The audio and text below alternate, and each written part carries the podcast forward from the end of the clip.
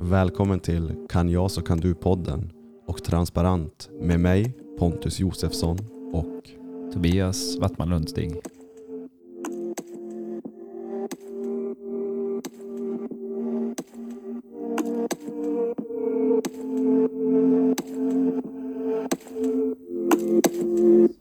Spraya näsan med ögonspray. Nässpray. Ljudvågor. Har du mentol? Jo. Jävligt nice faktiskt. Hur vet du vad kokain... Han höll på att försäga sig. Jag kan ju dock stå för att säga att jag vet hur kokain... Nej, alltså... Det är nog, alltså kokain svider, Jag svider har bara inte. sett, i filmen när de bara uh! Jag vet inte om det bara är filmatiserat. Ett am- Amfetamin det är nog lite värre. Okej. Men sk- jag ska inte sitta och predika droger här. Jag säger bara att jag har erfarenheter. Tolka mig rätt. Jag tror jag förstår vad du menar. Jag hoppas lyssnarna också förstår. Anna, jag tror inte du hade hängt med mig om jag var en pundare. Eller? Nej, vi kanske inte hade så mycket gemensamt då. Nej. Nej. Men din mick är igång i alla fall och vi är igång. Mm. Och jag tänker, jag, jag öppnar bara och eh, i, i förra avsnittet så la vi in en, litet, eh, en liten, vi slängde ut en liten fråga och vi blev bemötta med frågor tillbaka. Mm. Och det var ju då det här panelsamtalet, att komma ut i verksamheter och ut på företag som eh, kunde vara lite oklart. Men Tobias, du är så pass duktig att förklara. Så vill du förklara? Tydl- tydligen inte. Om du vill Nej. tydliggöra vad, är, vi- vad, vi- vad vi faktiskt sa förra gången. Ja, eh, som sagt, som, nu, som Pontus nu säger, att eh, vi slängde ut en, en, en, en, en idé som var lite, kanske inte helt filtrerad så att det gick att förstå den. Eh, eh för att göra en lite djupare förklaring. Eh, vi har, mycket av samtalen som vi har i podden är ju ämnen och ett samtal om ämnen där vi eh, lyfter upp saker till från eh, bak, eller lyfter fram dem från bakgrunden till förgrunden och kollar vad är det här egentligen för någonting? Vad, vad är det som eh, är det så enkelt till att säga som rätt eller fel? Är det så enkelt som att säga ja eller nej? Eh, är det så enkelt som att säga bra eller dåligt? Eh, är det så enkelt så har vi ju in, då behöver vi inte prata om det. Då, blir, då finns det inga missförstånd. Men många gånger så, det vi lyfter fram är att det finns en gråzon. Eller det jag mycket pratar om i mitt eh, yrke och mitt liv är ju gråzonen mellan de här två punkterna, rätt och fel, A till B. Eh, korrekt, okorrekt. Eh, bra, dåligt och så vidare. Eh, lyck, lyckas, eh, lycklig, olycklig, eh, att lyckas, att eh, olyckas och så vidare. Och i och med att jag gör det här i mitt yrke varje dag så ser jag effekten av det. Och effekten är, för att uttrycka det milt, så är den extremt eh, positiv. Eh, det gör så att människor eh, kommer, kommer fram, förstår sig själv mer, förstår sina känslor mer, når fram eh, effektivare, eh, löser problem i större utsträckning gör sig själv mindre illa, gör varandra mindre illa, missförstår varandra mindre. Eh, och det, det som i, i grund och botten var idén var att, eh, och för att förenkla det så har vi satt en struktur nu på det, att vi tre separata tillfällen till tre skilda eh, förfrågningar så kommer vi tillhandahålla till ett självkostnadspris. Att om någon tycker att det här är någonting som de skulle vilja vara med om på deras arbetsplats, i deras organisation, i deras förening, att få hjälp att lyfta fram det här, så är vi villig att göra ett roligt givande experiment. Att försätta oss i den miljön tillsammans, där man tillåter det här att hända. Och formen skulle kunna vara just ett panelsamtal. Och, och det är bara för att tydliggöra, och det betyder ju då att vi åker ut till Mm. verksamheter. Till exempel vi åker ut till Kalleskolan, vi åker ut till eh, Peab, vi åker ut till er. Så att Ja, säga. ja, precis. Mm. Eh, Så, så tanken är, för att förtydliga, ifall någon tycker att det här som presenteras är nog intressant eller man har viljan av att det här ska jag vilja vara med om, det här ska jag vilja ha på vår arbetsplats. Um, Eller det här vet jag att min man eller min partner skulle behöva på sin arbetsplats. Eller jag vet att min gruppchef skulle gynnas av att ha det här. Ehm, Jag vet att våran hockeyförening eh, skulle gynnas av det här. Så finns den möjligheten nu att vi tre, till tre separata organisationer eller företag eller föreningar tillhandahålla att vi åker ut och möts vid ett tillfälle till självkostnadspris. Uh, och, och egentligen det, det är så enkelt som det. Och då kommer jag och Pontus ut. Uh, och just panelsamtal blir ju egentligen att någon sitter i förgrunden och lyfter upp några kanske kärnfrågor som man har pratat om i, i antingen i gruppen tar man fram dem eller så tar man fram dem via kanske ledarna i gruppen att det här tycker vi är nyckelfrågor. Och så börjar vi prata om nyckelfrågorna. Och det som är utmaningen är ju att, vad jag har sett i varje fall, är ju att alla människor är ju inte trygga att komma till tals. Men alla människor har åsikter och känslor och idéer. Och om vi kan hjälpa människor att komma fram med sina tankar, känslor och idéer. så att man inte låser in dem och, och de får förbli, eh, vad ska man säga, ruttna där inne som att de blir en frustration, utan att man får släppa ut dem. Eh, då kan ju faktiskt den här, om vi säger att en organisation är som en boll som rullar. Då kan den ju rulla med mer framåtkraft i en kanske hållbarare riktning istället för att den rullar mer splittrat och dras i olika riktningar. Så idén är, är egentligen bara att, att, att lyfta fram saker eh, som företaget eller gruppen eller organisationen går igenom. Oavsett om det är eh, ekonomisk svårighet eller om det är psykologisk svårighet eller om det är konflikter eller om det är eh, meningsskiljaktigheter. Vad som helst. Så om man pratar om det i, i det här formatet så kommer man till en mer förståelse till varför saker är som de är. Det är hela syftet. Så, än en gång.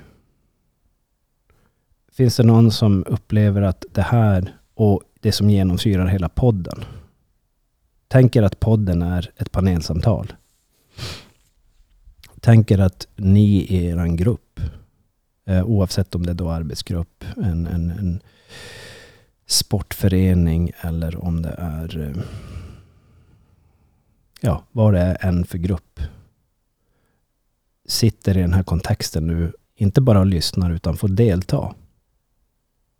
Man får säga så här, jag, jag har en fråga eller jag tänker så här runt ett, ett centralt område som till exempel, vad är rätt eller fel med Eh, hur, hur, hur, skulle, så här ser jag på saker och ting, hur ser ni på det? Hur skulle man kunna se på det? Så tar man fram en massa perspektiv utan att eh, det blir en, en orimligt hög grad av frustration.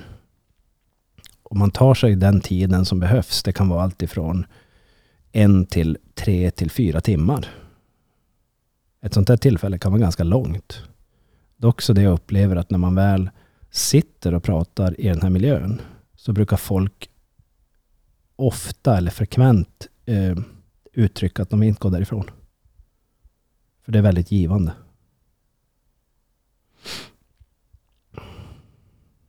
Man kan prata om precis vad som helst.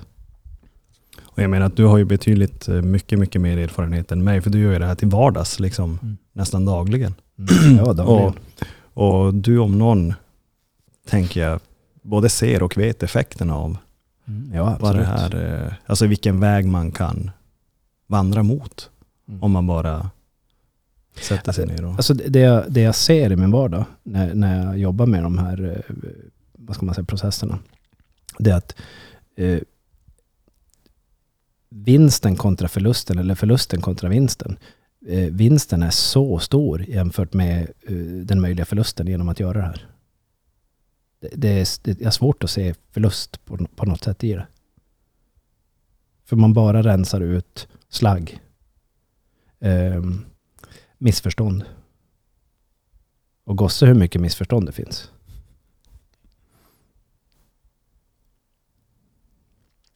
Missförstånd är, är som en... Eh, eh, I Bibeln tror jag man nästan skulle kunna definiera det som demoner. Missförstånd. Så att eh, förhoppningsvis så, så belyste det här någonting på, på meningen med eh, vad vi nu lite förenklat slängde ut oss. eh, Mm. Slängde, slängde ur oss där. Vi, vi, jag vet inte om det var för förra, Ja, förra. förra avsnittet.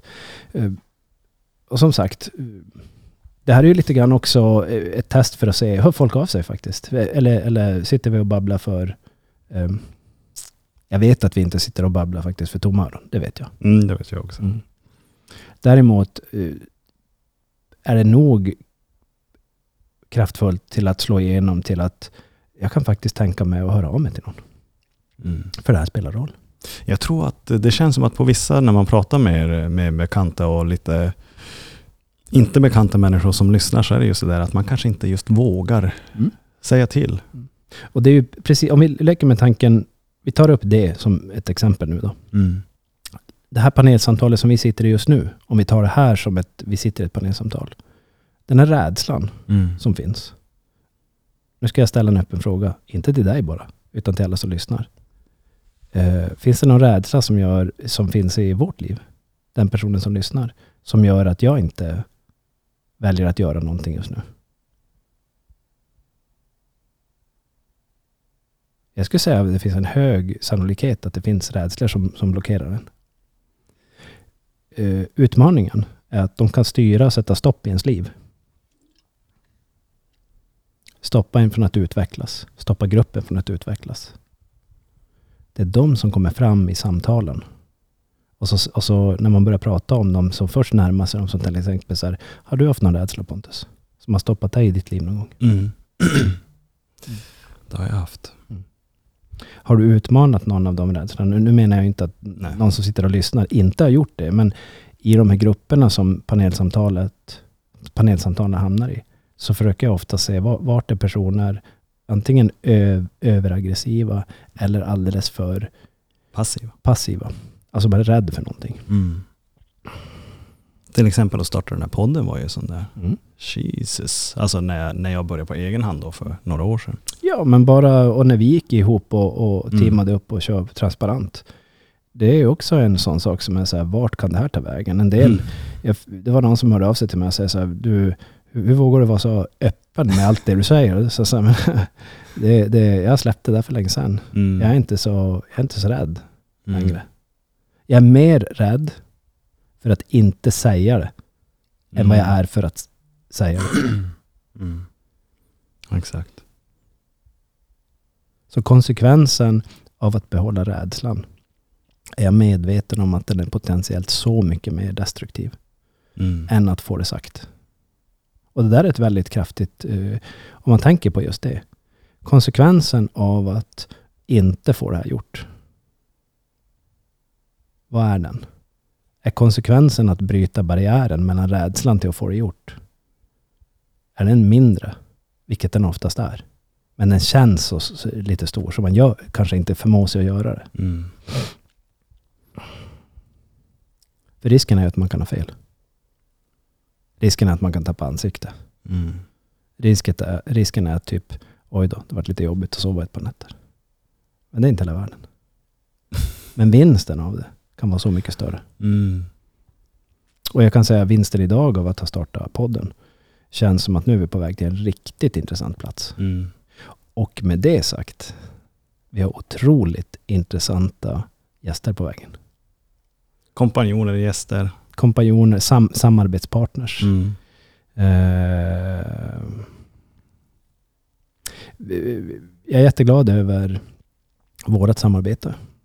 Jag är också glad och positiv över våran thailändske, svensk-thailändske vän Simba.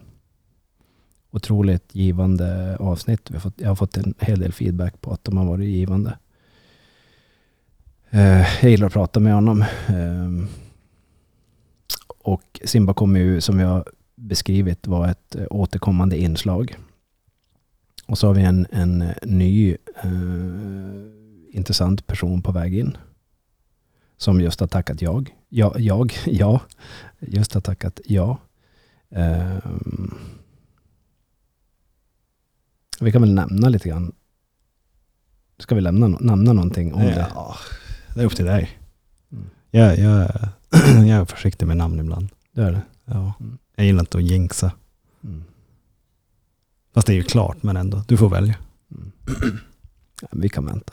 Vi väntar. Vi ska inte jinxa någonting. Den som väntar på något gott blir aldrig fet. Mm. Väntar aldrig för länge. Ja, precis. Ja, fina uttryck. Eller fina, men det är gamla äh, uttryck sedan gammalt. Mm. Så vi har det på väg in och det är jätte, jätteroligt. Uh, vi har alltifrån då så som vi har pratat om det, eller så som jag vill se på det. Uh, partners i samarbeten som, som kommer att vara återkommande gäster i podden. Och eh, sen har vi då kanske privata personer som har starka livsresor och historier som jag tycker det ska bli intressant att prata med och runt omkring de här eh, livshistorierna. Eh, så, så jag ser jättemycket fram emot eh, 2024. Eh, jag tror att eh, vårat eh, projekt som vi satte igång här för ett år sedan ungefär, det, det kommer ta, det känns som att det kommer ta vägen någonstans dit vi jag vet inte, det, vi hade som inte planerat mer än att göra ett pilotprojekt och så se vad, vad, det, vad som hände. Men det känns som att vi är på väg med podden till en, om vi inte redan har varit på en bra plats, så en, på ett sätt en, en, eh, om ännu intressantare plats. Det är Mm. min känsla. En högre plats. Mm. Det ska bli super, super intressant. Mm. Jag får nästan lust att säga typ att det här är ju bara början. Ja men det, det, det, ja, men det, Ett år och det är bara början. Men det är lite så det är med processer också. Så är det ju. Så är det. Du vet vad de säger. If you wanna win once, focus on the goal. If you wanna win life, focus on the process. Mm. Ja, det är min, min mening. eh, Jag känner igen det. Det håller jag med om. Det, lä- lägg fokuset på kortsiktigt och långsiktigt här och nu i processen. Mm. Mm. Absolut. Mm. Ska vi punkta där så... Eller har du någonting mer du vill tillägga, tillägga angående våra frågor vi fick tillbaka eller har vi klargjort allting? Ja, klargjort allting. Det återstår, Ja, det det ju, det men- återstår ju att se för eh, när, vi ställer en, när, man, när, när det ställs en fråga så kan det ju komma en följdfråga. Mm.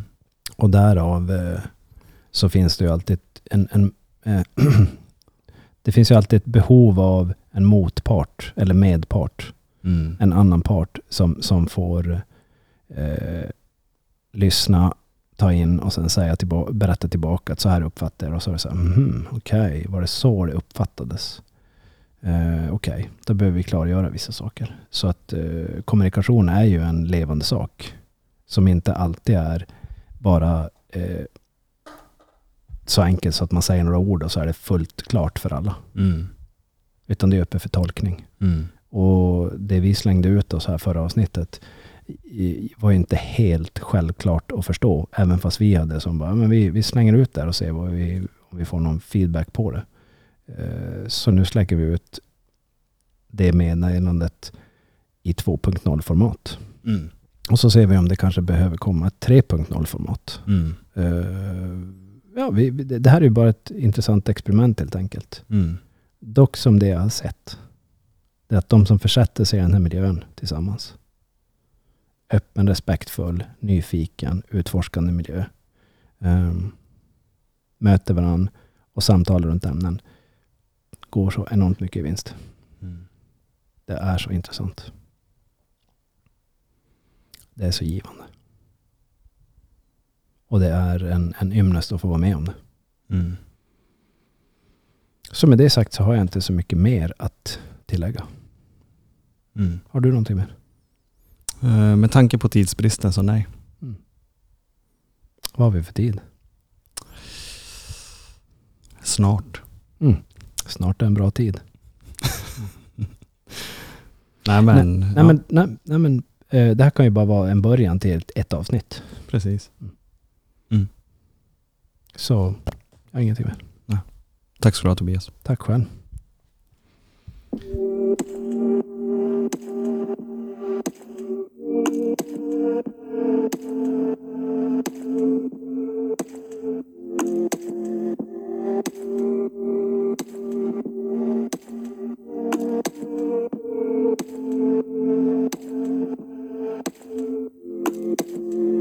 Nej, nu.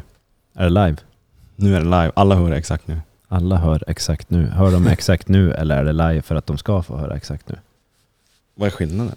Exakt nu är att de hör Hör. exakt nu. Och de ska få höra sen. Mm. Mm. De kommer inte höra det här för jag har inte ens din wifi-kod. Exakt. Eh, jo, jag håller på här och äter lite grann så ni får ursäkta ifall det kommer något smaskningsljud. Men vi tänkte att istället för att sitta och ödsla tid här så kan man ju även äta och spela in podd samtidigt också. Eller hur? Det är fullt Va, vad söker du? telefonen. det är fullt möjligt att äta och spela in samtidigt. Det är fullt möjligt. Och nu har du varit och kört skoter. Mm. Det blev det första helgen Första helgen för året. för i år. Ja. Ja. Och nu ska du köpa en ny skoter. Nej. Och ni, och ni som har lyssnat på podden när Tobias har berättat att han kanske inte riktigt vet om han ska ha kvar en skoter. Men du sa faktiskt till mig att du funderar på att kanske kolla på en ny. Nej, jag sa, det, det, det jag tror jag menade var att jag är sugen. Mm, Okej, du menar inget mer än så? Nej. Det, jag fick pröva en annan maskin som har, eh, det, det är bara annorlunda.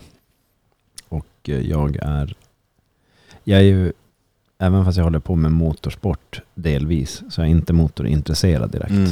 Däremot så är det väldigt intressant vad just de olika maskinerna är lämpade för och klarar av. Och eh,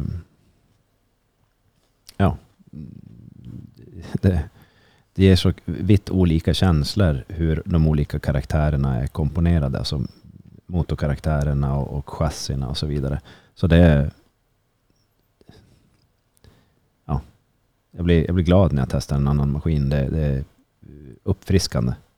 Vad är favoritmärket? Jag har inget favoritmärke så. Okej. Om du måste välja en som du bara får köra livet ut. ja. Nej, men jag jag skulle kunna köra vilken som. Alltså faktiskt vilken som. Så länge jag får komponera ihop den så att den fungerar för ändamålet. Okej. Alltså byta ut de komponenterna som behövs för att för att få den lämplig för den miljön som jag befinner mig i mm. eh, när jag kör. Mm. Så skulle jag kunna, det, det spelar ingen roll. Ge mig vilken maskin som helst. Det, jag, det spelar ingen roll. All right, fair enough. Jag hade sagt Articat. Mm. Men jag verkar ha lite lättare än dig att välja sådana där saker. Det eller det. Nej, det är väl egentligen, jag, jag vet inte om det är helt rättvist att säga att det är lättare att välja. Det är lättare att säga det. Men jag skulle kunna säga då, jag har lättare att välja på ett sätt för att jag kan ta vilket av dem som helst. Så ge mig vilken som, som Mm. funkar. Ja, jo i och Hänger för sig. Jo, att- exakt. Så jo. på det sättet så är det, det beror på hur djupt man dyker i frågan. Mm. Jo, exakt. För mig så är det verkligen, det gör mig ingenting. Ge mig en sån där Arctic Cat. Jag testade faktiskt en Arctic Cat. All, nu, nu går vi som in, nu kanske en del människor som lyssnar inte är intresserade av just specifikt typiskt snömaskiner. Men, Mm. men ta bara en par minuter. Eh, jag kör en Polaris Pro RMK eh, 850, en 2021. Jättebra maskin i min värld, helt standard som den är. Och eh, en kille som var med körde en Arctic Cat Alpha One. Eh, omgjord, splitterny matta. Den är jättestyv mattan. Den är lite bredare. Och så har den den här, vet du hur alfaskenan ser ut? Som den har i boggen. Alfaskena. Jag är dålig på, på vad heter det? Okej, för, för alfaskenan är en, vad het, en singelskena. Bogen består bara av en skena i mitten. Normalt har ju bogen två skenor. En höger och en vänster skena. Mm. Och de är ungefär kanske, ja det beror ju på vad det är för skoter, men de har en viss bredd mellan de två skenorna. Och när man sätter den där alfaskenan i mitten så betyder det att när du lutar skoten, då tippar den över skenan. Så den tippar mycket lättare som en motorcykel ungefär. Den blir väldigt Mm. vinglig. Men i, i lössnö då så blir den väldigt, är tanken att den ska bli väldigt eh, lekfull. Och det blev den. Och så gick den väldigt lätt upp på rulle. Så det gick att vända den kors och tvärs hur som helst. Väldigt lätt. Så det var en rolig maskin att köra. Men den kändes mer aggressiv än min maskin. Och det var en kille som körde en Yamaha då. En Sidewinder med turbo. Som hade mycket, mycket mer effekt än våran. Eh, men på grund av motorkaraktären och vikten på hans maskin så kändes den... Ja, den kändes bara annorlunda. Rolig men annorlunda. Och när han prövade våra maskiner så, så, så, så sa han just det att Polarisen var väldigt mjuk och förlåtande och, och enkel. Och Alpha One Articat-maskinen var väldigt aggressiv. Båda var roliga att köra. Men den ena var mer krävande att köra och den andra var mer förlåtande. Ehm, så det är, det är olika karaktärer på de här maskinerna bara. Och till exempel min maskin klättrar bättre medan den andra behöver man vara tekniskt duktigare för att köra. För att klättra högre. Om man, om man nu tittar på sådana parametrar. Så det är, jag är mer, jag är ute efter vad, inte vad, är- vad är bäst för märke utan Mm. vilka komponenter gör vilken maskin bäst för vad Mm. och varför. Och där, där märker jag att det är inte alla som tänker så. Det är inte många som tänker så. Mm. Alltså när det kommer till, för det som florerade, varför jag frågade så här, ja men vad väljer du? För att nu i helgen så florerade det så att man kunde dela på Instagram. You can only pick five. Och så var det då band av, eh, från, ända, från Beatles till Coldplay idag. Ja. Men liksom det var Black Sabbath, Deep Purple, Pink Floyd, Mm. hela gänget. Men du får bara välja fem. Mm. Så då blev det att vi satt som i stugan och bara vänta, vilka får, vilka får man välja? Det där är ju som en oändlig liten lek. Ja men det blir ju lite Det, skoj. och det finns, det finns ju inget... Eh, alltså det, det, den skojar ju till det. Mm. Det jag är ute efter eh, när jag både jobbar... Jag, det kan ju vara roligt att skoja till saker och till bara för att se vad händer när vi skojar till det. Mm. Absolut. Men det, det som jag är ute efter när jag... Ja, men så jag navigerar, så jag tänker och, och det jag är ute efter när jag jobbar. Det är att vara praktisk med vad, vad, är det vi, vad är vi håller på med och tar vi oss mot det. Mm. Och om vi är lite för, lite för ostrukturerat lekfull, då kanske, vi kom, då kanske vi står still eller kommer ifrån eller gör det svårare för oss att nå målet. Men vi har kul. Och då blir det inte så kul efteråt, för vi nådde inte målet. Mm. Men kan du leka på fritiden? Ja, men vi leker ju när vi är ute i skogen med skotrarna hela tiden utan att göra det till något rätt eller fel. Det finns ingen som har fel maskin egentligen. Mer än att om däremot när någon följer med oss och kör eller mig och kör. Om, om, om någon hör av sig och så säger de jag skulle gärna följa med. Då, då är första frågan så här, okej, vad har du för erfarenhet? Och är de helt nybörjare och har en maskin som inte är lämplig, då är det så här, nej men det, är inte så att du inte får följa med för att det är du. Du får inte följa med för att du har, du har varken maskinen eller kompetensen för att ens köra i de miljöerna som vi är. Och det betyder att eh, hela gruppen blir sinkad och så får man som bära personen fram hela tiden.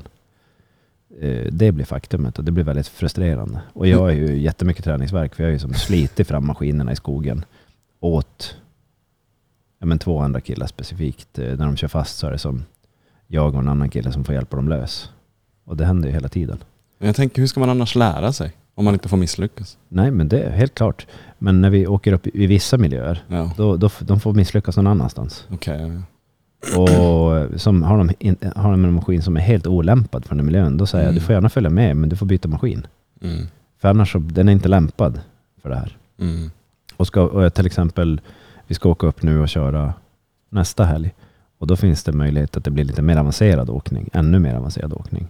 Och om, om, om, om någon har inte lämplig maskin för det, plus inte erfarenheten, då får hela gruppen anpassa sig bara efter dem. Och det blir inte bra alltid. Mm. Så av den anledningen. Jag har förmodligen inte kört i de miljöerna. Man har bara varit runt i Kiruna, du vet. Och Men ni har ju jättemycket avancerad miljö i Kiruna. Men som sagt, jag har kört enduro, cross, motocross större delen av livet och är väl... Jag skulle gissa att jag i... Ja men i så här Svensson-termer så är jag nog ganska duktig. Mm.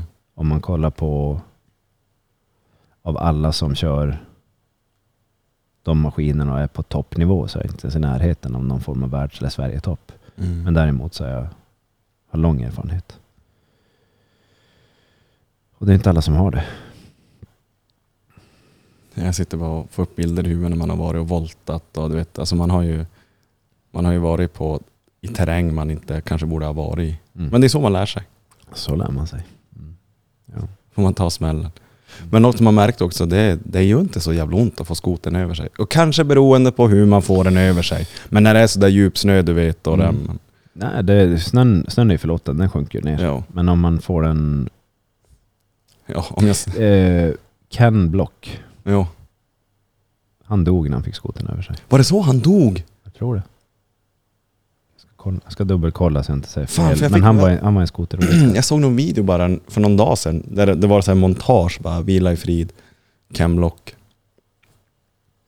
Han var hyfsat på att köra bil och det. jo, han var... jo, han var duktig. Men jag vet fan inte hur han dog. Om ni inte vet vad en camlock är så kolla upp det på Youtube. Det är helt sjukt att man kan göra sådär med en bil. Speciellt när han håller på att sladda. Det är en klippa så bara lägger han bakhjulen som just på kanten bara. Ehm, så här står det, om nu det här stämmer. Ehm, how did Ken Block die eller get crushed, står det. Mm. The snowmobile landed on top of him. Uh, per the report från rapporten.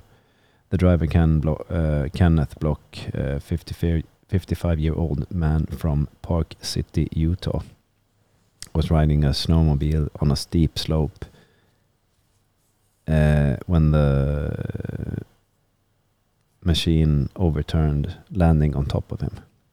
He was pronounced dead at the scene from injuries sustained at the accident. Så att har man otur, om vi säger, om man, om man är på just fel plats vid fel tidpunkt och maskinen rullar över en så kan man ju få styrstången i bröstet eller i, i halsen eller och det är ju trots allt en maskin som väger eh, ja, vad väger en lätt maskin? 260 En lätt maskin 260. 200, ja men med, tang- med ja. alla vätskor i och så vidare. 250 kilo. Mm. En tyngre maskin. Friåkningsmaskin. Lite över det då. Så den, den vikten som kommer, det är en kvarts ton som rullar. Och med fart. Och så trycker det på rätt eller fel ställe om man så säger. Så kan man ju bryta sönder saker. Och sen är man ju olämplig miljö. Man är ju inte nästgårds till ett Mm. sjukhus heller. Så ehm, som till exempel säg att vi är ute och kör tre personer och så är det någon som blir allvarligt, vi, vi leker med tanken nu så här va, någon blir eh, allvarligt skadad. Vart befinner man sig? Ute i skogen oftast. Ja, ute i skogen eller på ett fjäll. Ja eh, räddning eller hjälp är en bit bort. Så det är ju den verkliga situationen. Sen så är frågan hur aggressivt kör man? Som jag anser, vi pratar när, när jag brukar ha workshops för vänner för att bli duktigare friåkare. Tekniskt duktigare friåkare. Och då är, då är riskanalys jätteviktigt. Det här som vi kommer göra nu är, har ingen, väldigt, väldigt låg risk. Så, eh, och så bara träna personer på att kunna använda maskinen fullt ut med låg risk. Men sen när vi kommer till vissa andra miljöer, som när det är branta miljöer till exempel, när man ska börja träna på det. Om personen faller, då faller de ju oftast neråt för berget. Och vart rullar maskinen? Den rullar neråt efter dem. Mm. Så får man maskinen på sig på fel sätt, så att säga, olyckligt sätt, så kan man göra sig illa. Så riskanalysen är ju här så ökar stegen för eh, risken ökar. Och, och möjligheten för att göra, inte bara illa sig, men, men ställa till lite oreda. Mm. Eh, fastkörningar, eh, välta maskinen och så vidare. Den kommer öka, man kommer göra fel. Men än så länge har ingen skadat sig allvarligt när vi har varit iväg. Eh, och det vi håller på med är att vi kör, vi, vi, ingen av oss är egentligen intresserad av hastighet. Det är inte ens roligt. Utan vi kör i väldigt teknisk svår miljö och det går oftast inte fort. Så det värsta som skulle kunna hända som vi som har kalkylerat ut är att någon får blåmärken eller bryter någonting väldigt lätt så att säga. Med det sagt så betyder det inte att man är 100%, man kan inte garantera att det inte kan ske någon allvarligare skada. Men eh, när man håller på med våldsammare körning, som om man kollar på Youtube eller någonting och så tittar man på de som kör extremt, då är riskerna mycket, mycket, mycket, mycket högre. Eh, både på maskinen och på, på individen. Så att och köra sådär superextremt på det fränaste sättet för andra ska titta och ge likes och tummar upp och sånt, det är inte jag ens intresserad av. Utan det är inte så roligt att se oss åka. Men när vi har varit ute och kört, då har vi varit och sonderat terräng, tagit oss fram på väldigt svåra områden, upp och ner för berg, genom skogar. Eh, och när vi kommer tillbaka så är man helt dränerad på energi. Mm. Och det är så jäkla skönt att bara sätta sig ner och prata, ta en bastu och umgås. Mm. Så att vi är inte de fränaste killarna i stan. Lite grann. Nej, vi har det skönt. Men, men när du säger att ni inte kör fort, det är ändå ganska hög acceler accelerering i, alltså när det är sådär tajta typ Mm. skogsområden. Nej, eh, det som, det, som, eh, det som händer, det som blir eh, lite komplicerat att förstå för en del, det är att man använder extremt mycket gaspåslag. Mm. Så till exempel en maskin som har, om det är någon som kan lite grann om maskiner så har jag kört någon maskin med 300 hästar och turbo. Och då använder jag eh, kraften från maskinen använder jag inte fullt ut. Men i korta impulser använder jag den så Mm. puff, puff, trycker på gasen. Och då får man väldigt mycket mattsnurr och väldigt hög effekt från motorn. Men hastigheten framåt är inte hög. Nej. Utan det är mattsnurret och flytet på maskinen i den här djupa pudermiljön som, som man är ute efter. Mm. Men hastighet, att det ska gå snabbt, där ökar risken. Mm. Och den har inte vi. Vi håller inte på att köra snabbt. Vi, hastighet är inte någonting som vi håller på att utmana på något sätt. Men jag vet att det är de som tycker att det är väldigt stimulerande att köra fort. Eh, för det triggar ju väldigt mycket sinnen och man får väldigt mycket påslag av, eh, vad ska man säga, happy particles i, i, i kroppen. Jag Och du vet, man blir väldigt uppåt. Ja, men jag fattar inte varför det är det. För jag, alltså i, inte den senaste BMW jag hade, men den innan det var också, en, hade jag en, en fin BMW och så låg jag efter, är det, är det Gävle-Stockholm som har den där två eller trefiliga 120-vägen? Så körde man på natten och så satte man farthållaren i 150. Det är så jävla fin väg. Mm. Inga poliser, ingenting. Nu säger jag att jag har kört olagligt. Jag la den på 120 säger vi. Men och så, du vet man är på natten, inga bilar, så tänkte jag, fan jag har ju aldrig maxat den här BMWn. Och folk säger att de har kört 280, bla bla bla. Och så trycker jag på gasen, alltså man kommer lätt upp i 180-190. Och sen när man ser mätaren vara så nära 200, då var direkt, jag får i alla fall en sån här blockad, typ att kör inte fortare. Mm. Vad händer om du får punktering? Mm. Till exempel. Mm. Vad händer om du kör en fågel i rutan i 200? Nå, alltså vad som helst kan ju hända. Och så, så ska det bli sådär, ja, han skulle bara testa köra lite fort och så dog Mm. han. Mm. Det, det känns så jävla onödigt. Ja. Så att jag har nog aldrig varit, jag har aldrig över 200 med mina bilar i alla fall. Nej, alltså än en gång riskanalys eh, när vi är ute och kör. Jag, jag är ju lite äldre än dig. Jag, jag vill komma tillbaka utan skador. Jag vill kunna köra, jag vill kunna må bra. Ja. Eh, Jag lyckas göra det hittills. Så att, eh, man ser på livet på olika sätt Mm. och navigerar efter erfarenheter och behov. Ja. Och vad är rätt och vad är fel? Nej, det Nej. är, det är inget rätt eller fel. Det får snarare, handling får konsekvenser. Ja, så är det. Så att eh, hålla på att köra 200 med någonting eller hålla gasen i botten och hög hastighet med oavsett vad det är för om det är en maskin eller om det är ett, eh, bara ett förfarande i, i, i en arbetsmiljö. Det får konsekvenser. Så är det. Eh, Nej, det är som, jag går som inte igång på den där farten och mer.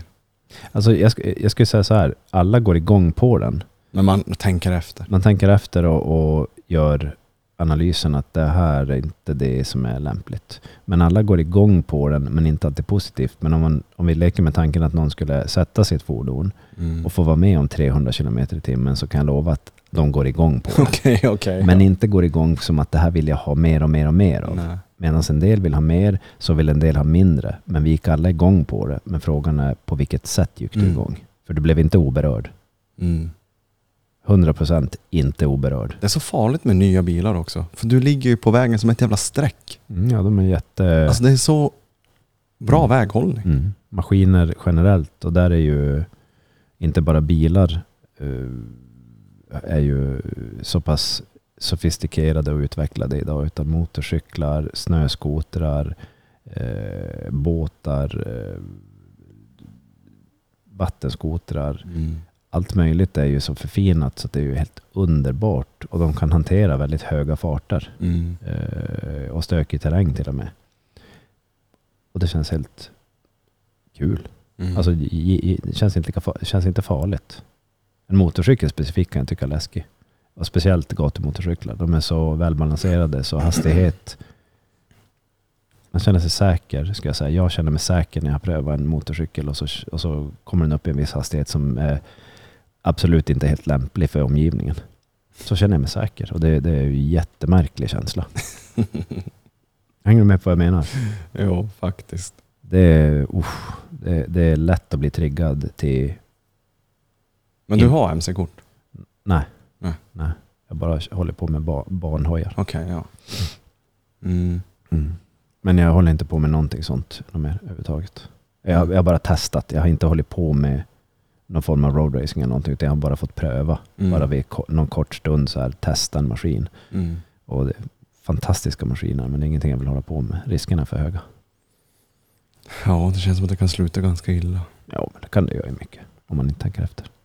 Jag- Alltså jag, så får jag upp alltid när man pratar olyckor, den här Schumacher-olyckan. Alltså förstår du vilken otur? Mm. Fogd, få, eh, Thomas Fogde var ju väldigt likt. Fast han, det vet jag eh, inte om. Thomas Fogde var en eh, svensk utförsåkare som eh, han åkte på en transportsträcka. Alltså han var, om han var slalom eller storslalom, han var en jättekänd person för kanske 15-20 år sedan. Och han ramlade, vad jag får för mig, på en transportsträcka och slog ryggen i en sten och är förlamad. Han, han hamnade i rullstol. Mm. Blev förlamad. Och Schumacher slog väl huvudet och blev... eh, Jag åkte, åkte skidor i Alperna bara med familjen och Ja. huvudet på en sten. Precis. Och, Och nu vet, familjen är ju väldigt, de går ju inte ut med, med någon som helst information hur han mår och sådär. Men, Mm.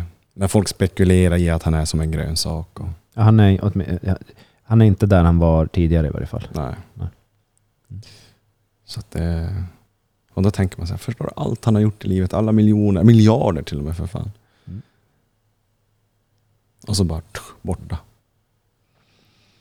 Ja, det förändrades. Mm. Och det fick en förändring som inte fanns med i kalkylen. Det är lite sorgligt. Ja, det är en liten sorglig. Det finns mycket fascinerande och sorgliga historier och, och mäktiga historier. Mm. När det kommer till just eh, ja, men förändring i livet. Mm. Liv, livet är ju,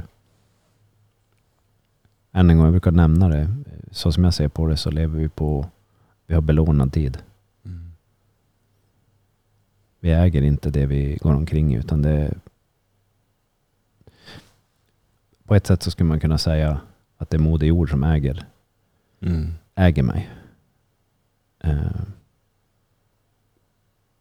och eh, allting som jag har här och nu kommer gå tillbaka till Moder Jord inom loppet av en viss tidsram, Mm. förr eller senare.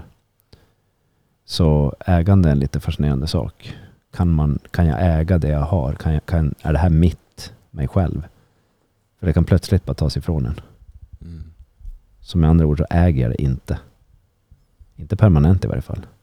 Utan jag har lånat det under en tid. Och hur tar jag hand om det? Under den tiden jag har.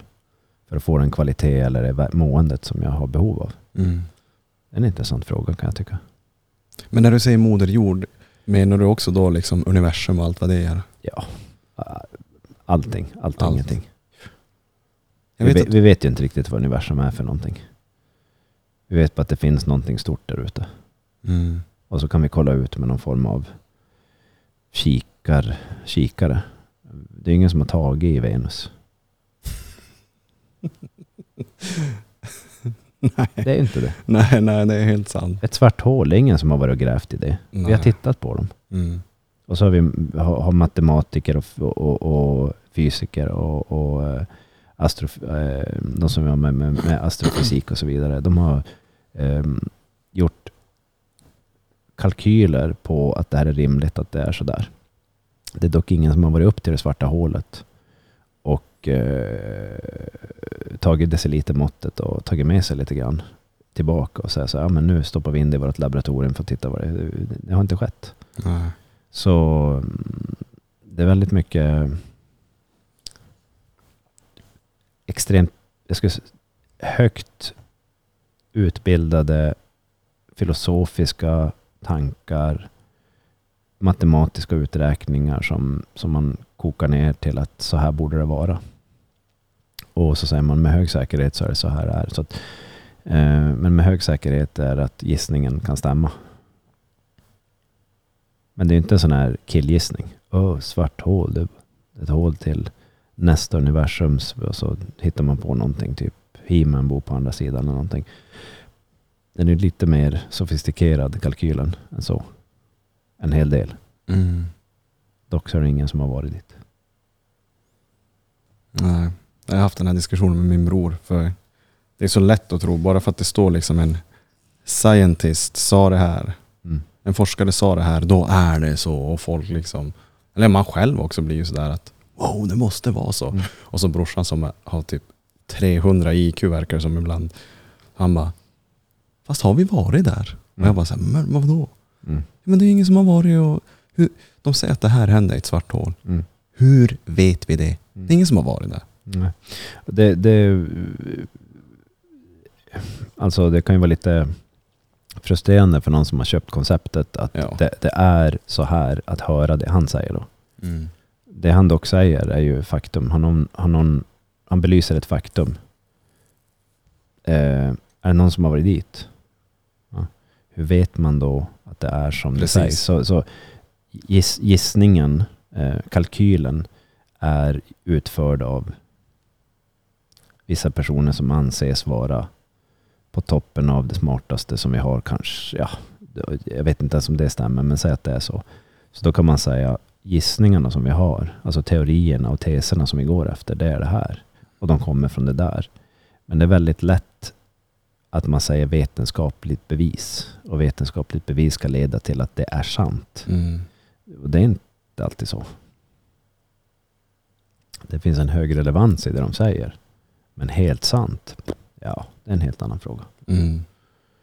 Jag tänker det kanske är upp till var och en också vad man vill tro på. Man Tro får- på Mm. vad man vill tro på. Exakt. Det är och det är upp till var och en vad man undersöker som helt sant. Mm. Eller vad man vill tro på.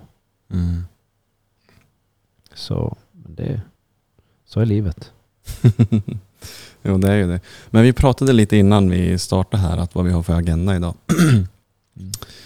Eh, och nu har vi pratat nästan en halvtimme om rymden och skotrar.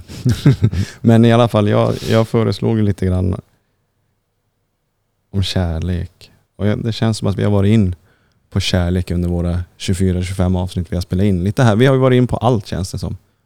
Samtidigt som vi inte har varit in på allt. Liksom nu pratar jag i sådana här, uh, vad heter det när man pratar i Andligt format. andligt format ja. Mm. Och jag har ju haft en, en barndomsvän över i helgen. Jag frågade faktiskt honom om han ville vara med och berätta vad han går igenom men det var lite Mm. nytt för honom. Så att Det är känsligt. Det är känsligt ja. Men jag tänker att jag bara lyfter liksom det exemplet jag har framför mig. Jo, men jag tänker att någon ska vara med som går igenom någonting sånt som personen ganska uppenbart Ja. sliter med ganska mycket och det är så Mm. nytt. Det, och inte riktigt har sorterat. Mm. Eh, Det, jag vet. Ja, det är så känsligt så det, det blir då tufft. Men, och då är det då en, en barndomsvän som har gått igenom ett breakup efter 13 år ihop. Han är, i, han är ett år yngre än mig, så han är 30 år.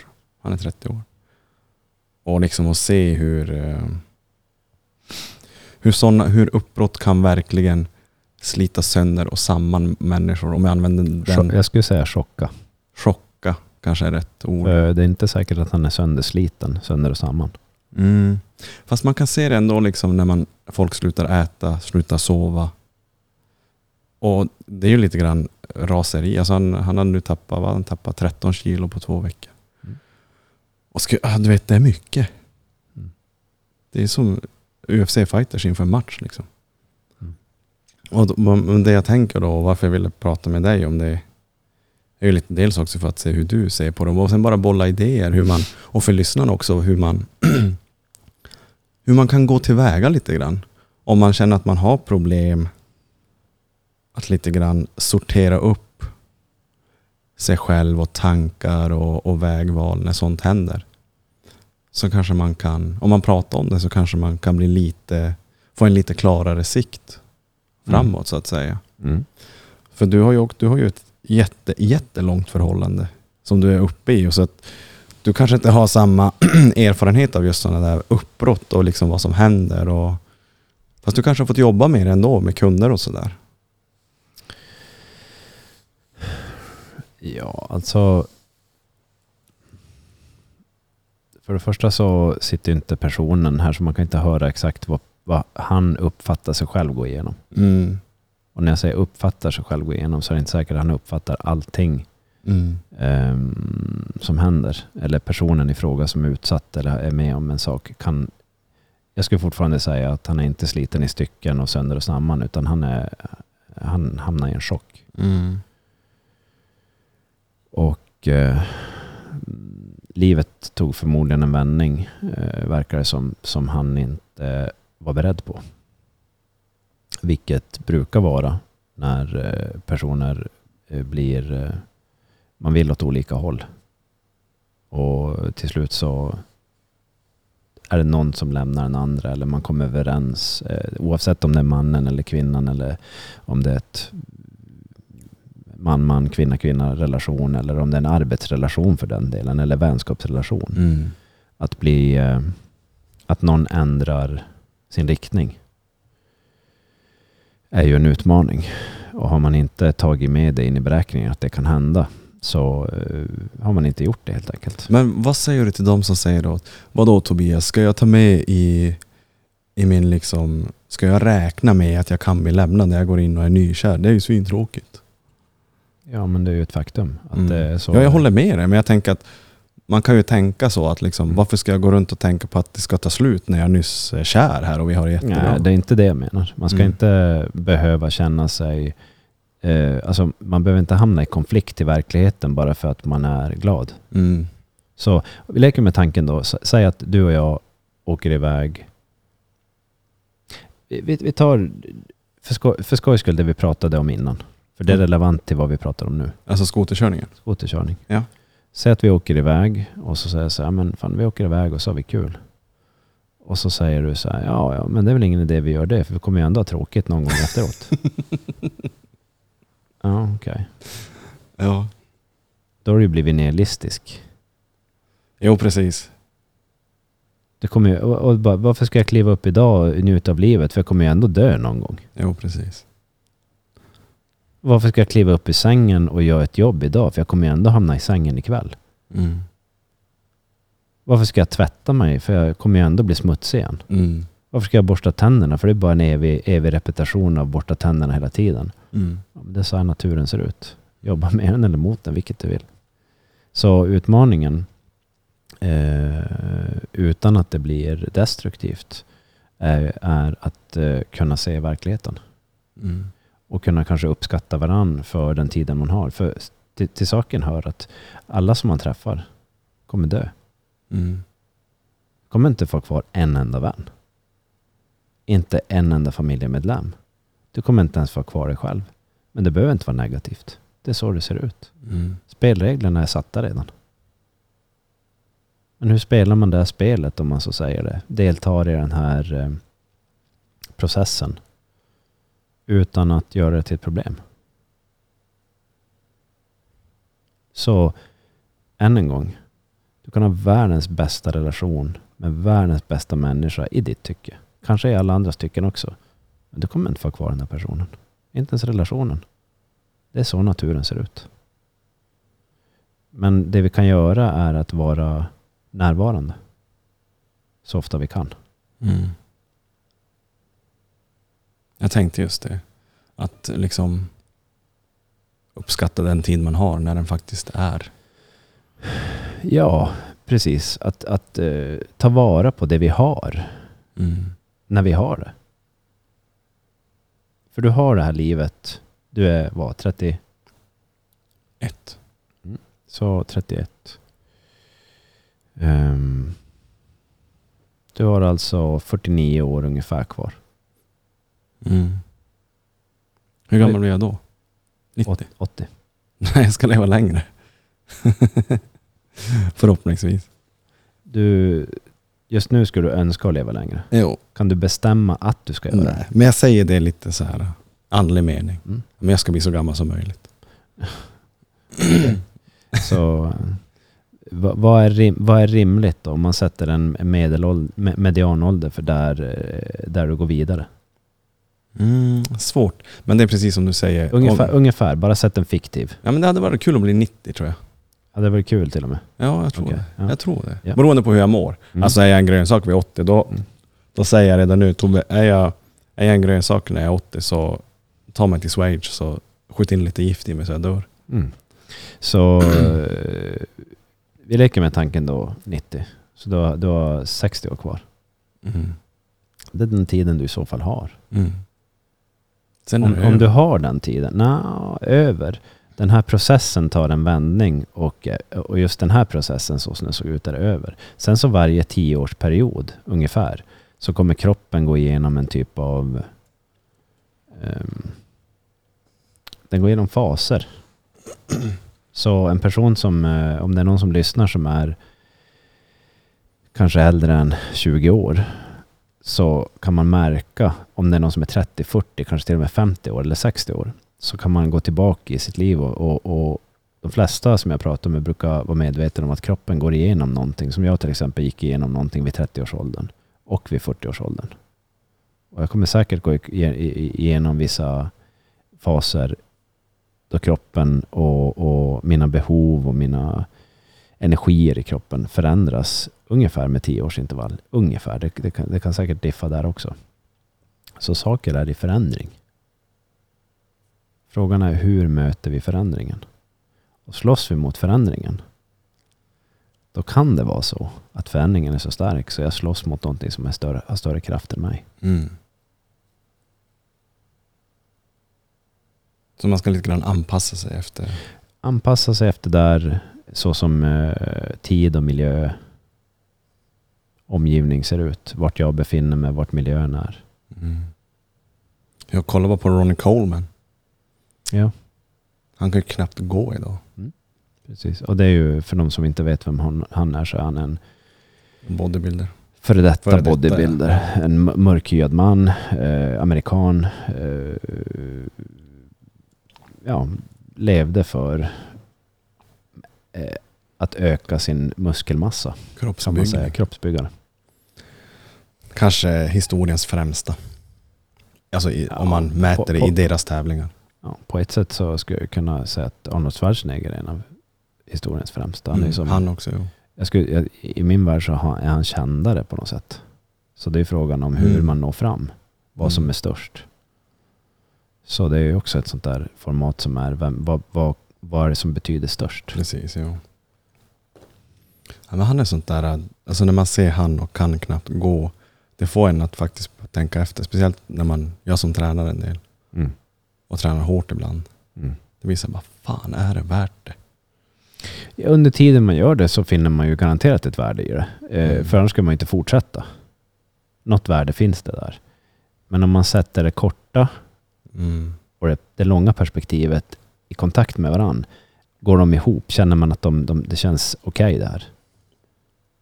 Är det roligt att vara på väg dit? Om vi leker med tanken att du hade gått på Ronnie Colemans historia och så hade du tränat som honom. Mm. Och så kan man säga, men ungefär så här har det blivit för den här personen. Mm. Och är det då fler personer runt omkring, många som har drabbats av samma sak, då kan man säga att det finns en hög sannolikhet att du hamnar på samma ställe. Är det det du vill? Nej, inte, Mm. inte jag i alla fall. Och där är ju korta och långa perspektiv i, i, kopplat till varandra. Och det långa perspektivet är allting du har och alla du känner och även dig själv kommer inte finnas kvar Mm. inom loppet av en viss tidsperiod.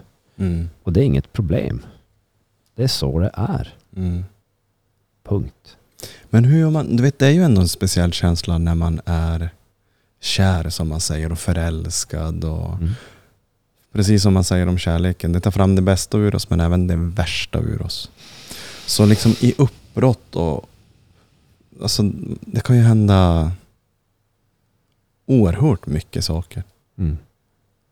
Där man liksom, med sätt att du har ha- varit helt förälskad och sen så nu så blir du lämnad och så är du en helt annan människa. Mm.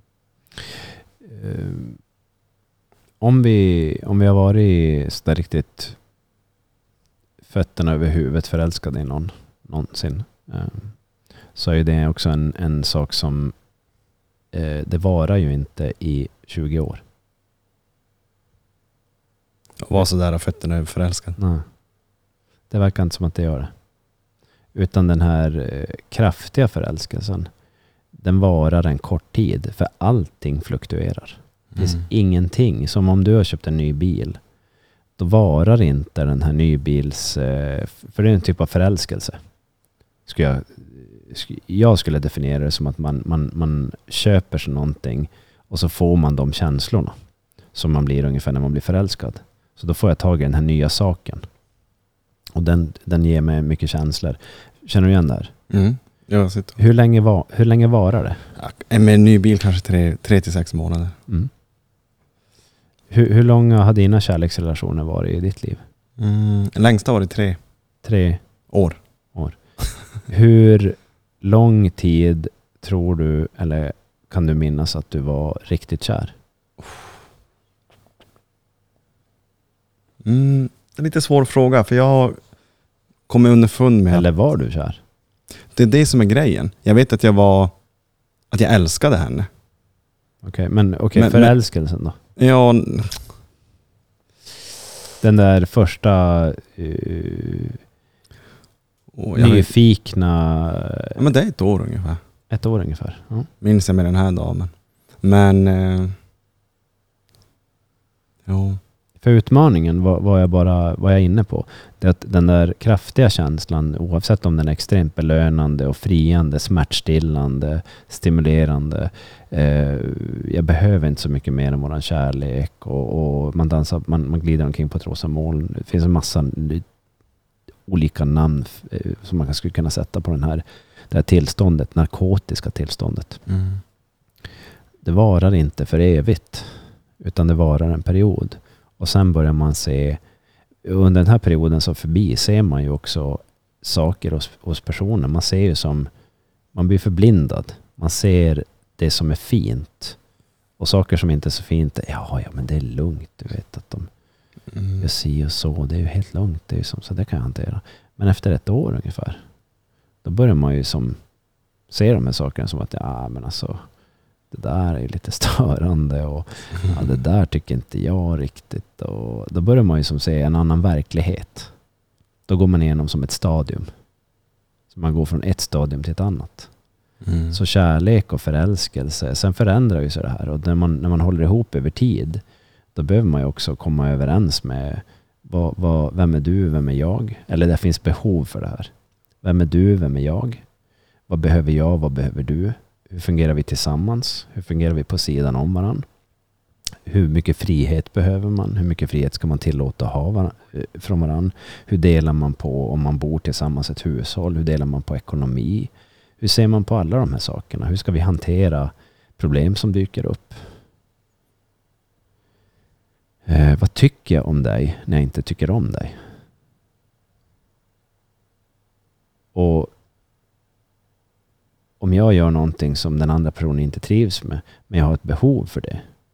Hur hanterar man de här sakerna och förstår hur man kommer över de här hindren? Svartsjuka. Eh, någon som eh, har extremt stort kontrollbehov.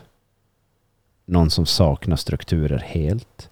Någon som har frekvent, eh, någon som har ehm, eh, eh, Säg någon som eh, hänger upp sig på saker väldigt ofta. Någon som blir deprimerad frekvent.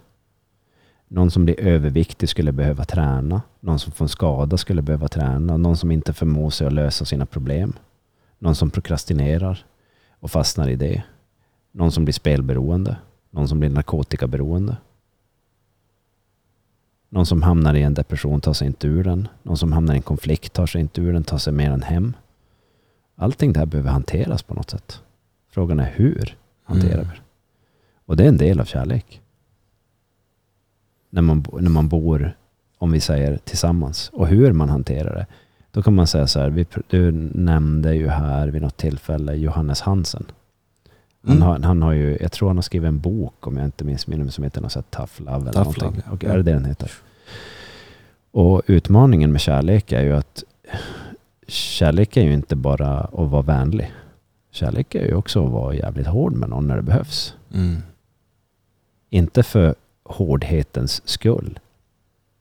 Som till exempel nu i helgen då, nu ska jag dra en parallell tillbaka till den här eh, helgaktiviteten vi hade med snöskoteråkningen. Och för att, för att de personerna som är med ska lära sig så mycket som möjligt så behöver jag vara lite hård med dem. Men inte otrevlig. Men jag kan inte lyssna på vad de säger bara för om någon säger så här, nej men du vet det här går inte för att jag är för trött. Då brukar jag säga, ja, jag, för, jag hör vad du säger. Får, får, jag, får jag bara nämna en sak som jag ser? Och då säger personen ofta så här, jo. Det jag ser är att du upplever att du gör korrekt i tekniken med maskinen. Men jag ser att du gör rakt emot tekniken och det som händer är att du måste ta i tio gånger mer och då blir du skittrött.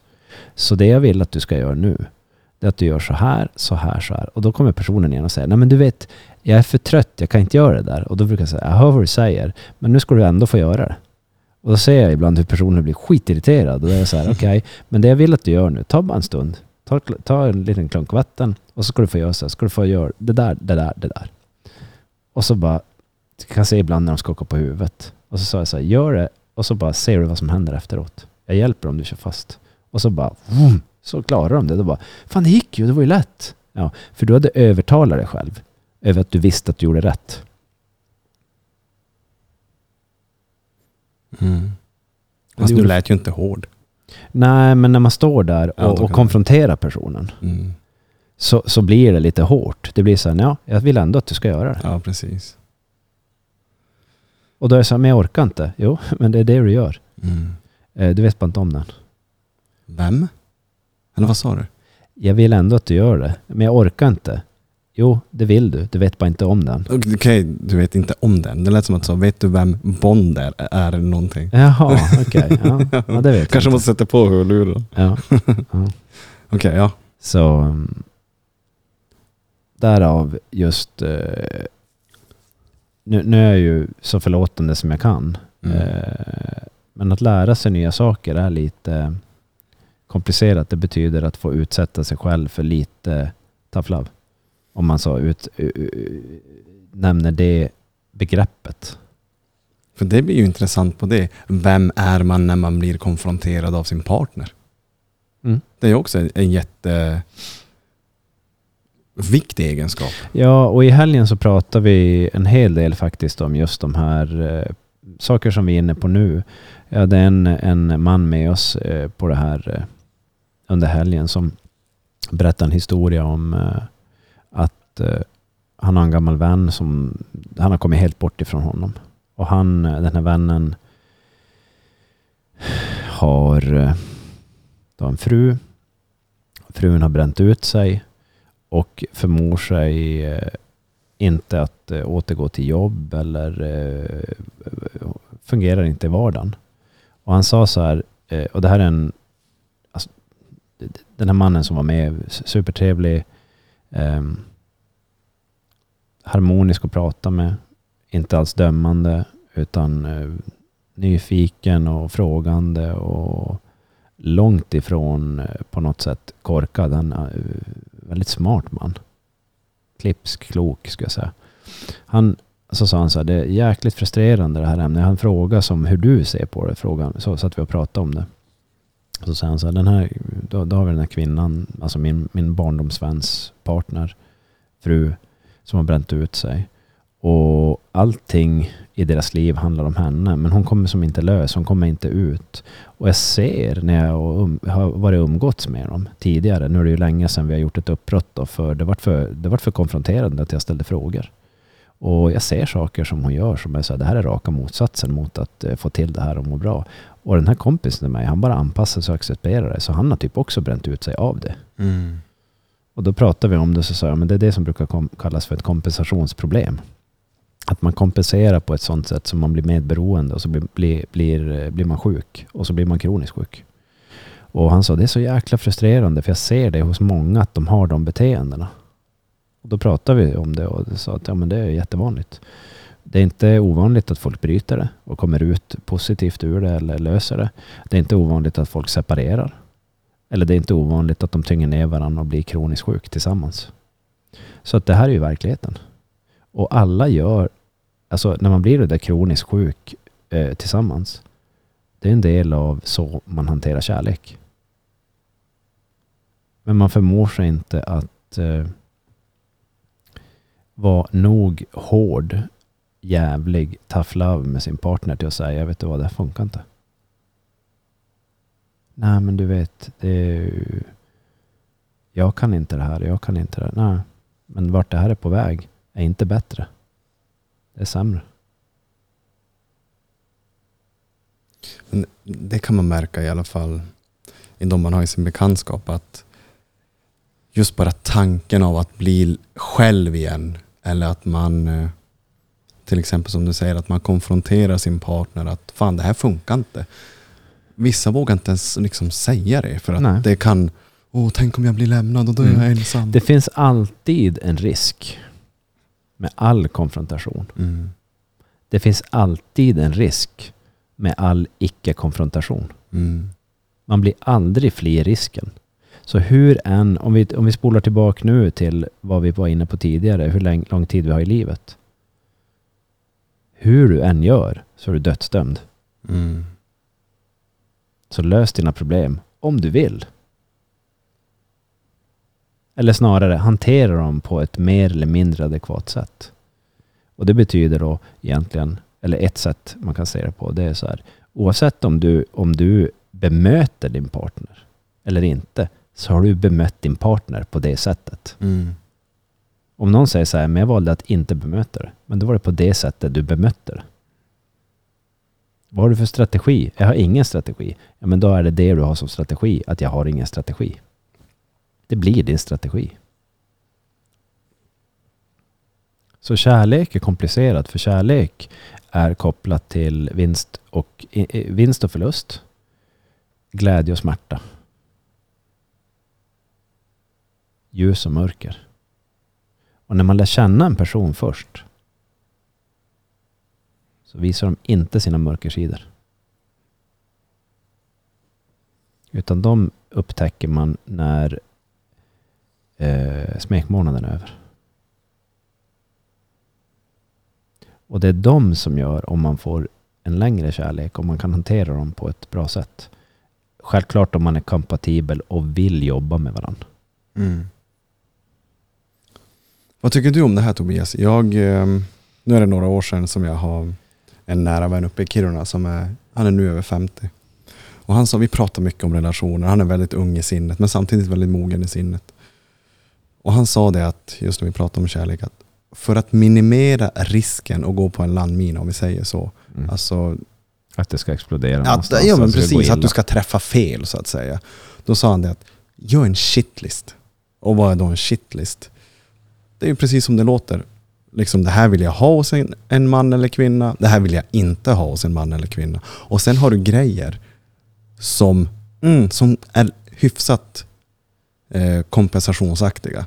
Okej, att man kan kompensera lite. Säg så här att hon får inte ha barn. Jag vill inte dejta någon som har barn igen.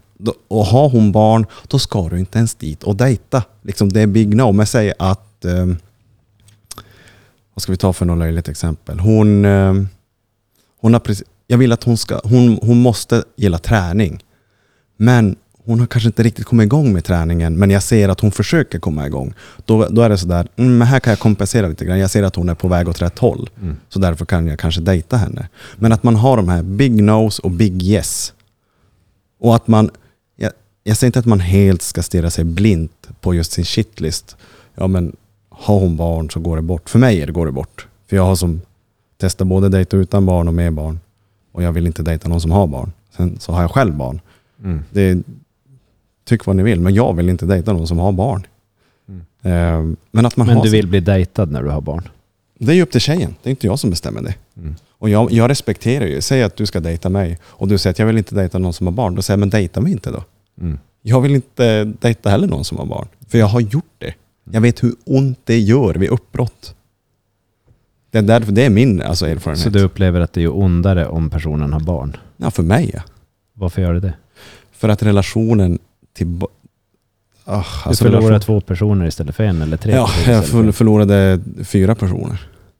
Just i, just i det fallet. Men så där, för, för bandet man binder till barn är så... Alltså det går som inte att beskriva om man inte själv har barn. Okej. Det blir så, jävla så ömt. får- får jag- får jag fråga då? Så genom att... eh, Så logiken som, om jag förstår det, Mm. eh, är att inte binda sig med personer som har barn för det blir så starka band. För mig ja. Så då hellre vill du inte ha starka band och dejta någon annan. Hur menar du med att jag inte vill ha starka band? För banden blir så starka sa du. Till barnen? Så du får starka relationer i ditt liv. Men det är ett problem vid uppbrottet. Men vad händer om man träffar någon som man inte bryter upp med då? Mm. Ja, det är då? sant. Det är ju sant. Men jag är inte villig att ta risken igen. På grund av På grund av egna erfarenheter. Smärta. Ja, smärta. Mm. Och, och det här, jag pratar ju bara av egna erfarenheter. Av det jag känner. Jag vill inte dejta någon som har barn. Och liksom, om, om man nu tycker att det är helt dumt i huvudet, då får man väl tycka det. Men alla har ju sina gränser. Jag menar, jag skulle aldrig sitta och säga att dina gränser är orimliga. De är rimliga för dig. Och du har ju all rätt till Ja, dem. eh, till, till saken hör att om jag sätter upp gränser som är rimliga för mig och jag själv har satt upp dem. Mm. Frågan är, har jag satt upp rimlighetsgraden på gränsen nog bra för mig själv? Det lär ju tiden utvisa. Ja, eller, Eller? så kan man prata tillsammans och se hur andra tänker och vad andra varit med om och så ändrar man sin gräns ibland. För att ens gräns kan bli uppsatt på ett väldigt märkligt sätt. En del säger ju att de vill bli så stark som möjligt och så siktar de så högt så de sliter sönder sig själv. Då är frågan så här, var det slita sönder dig själv du ville? Mm. Eller att inte utvecklas optimalt, var det det du ville?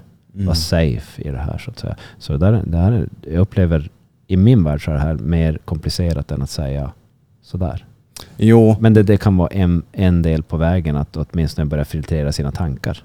Jo, för jag menar nu har man... Jag ska inte gå in på så djupt på eh, vad ska man säga, datinglivet. Men alltså man...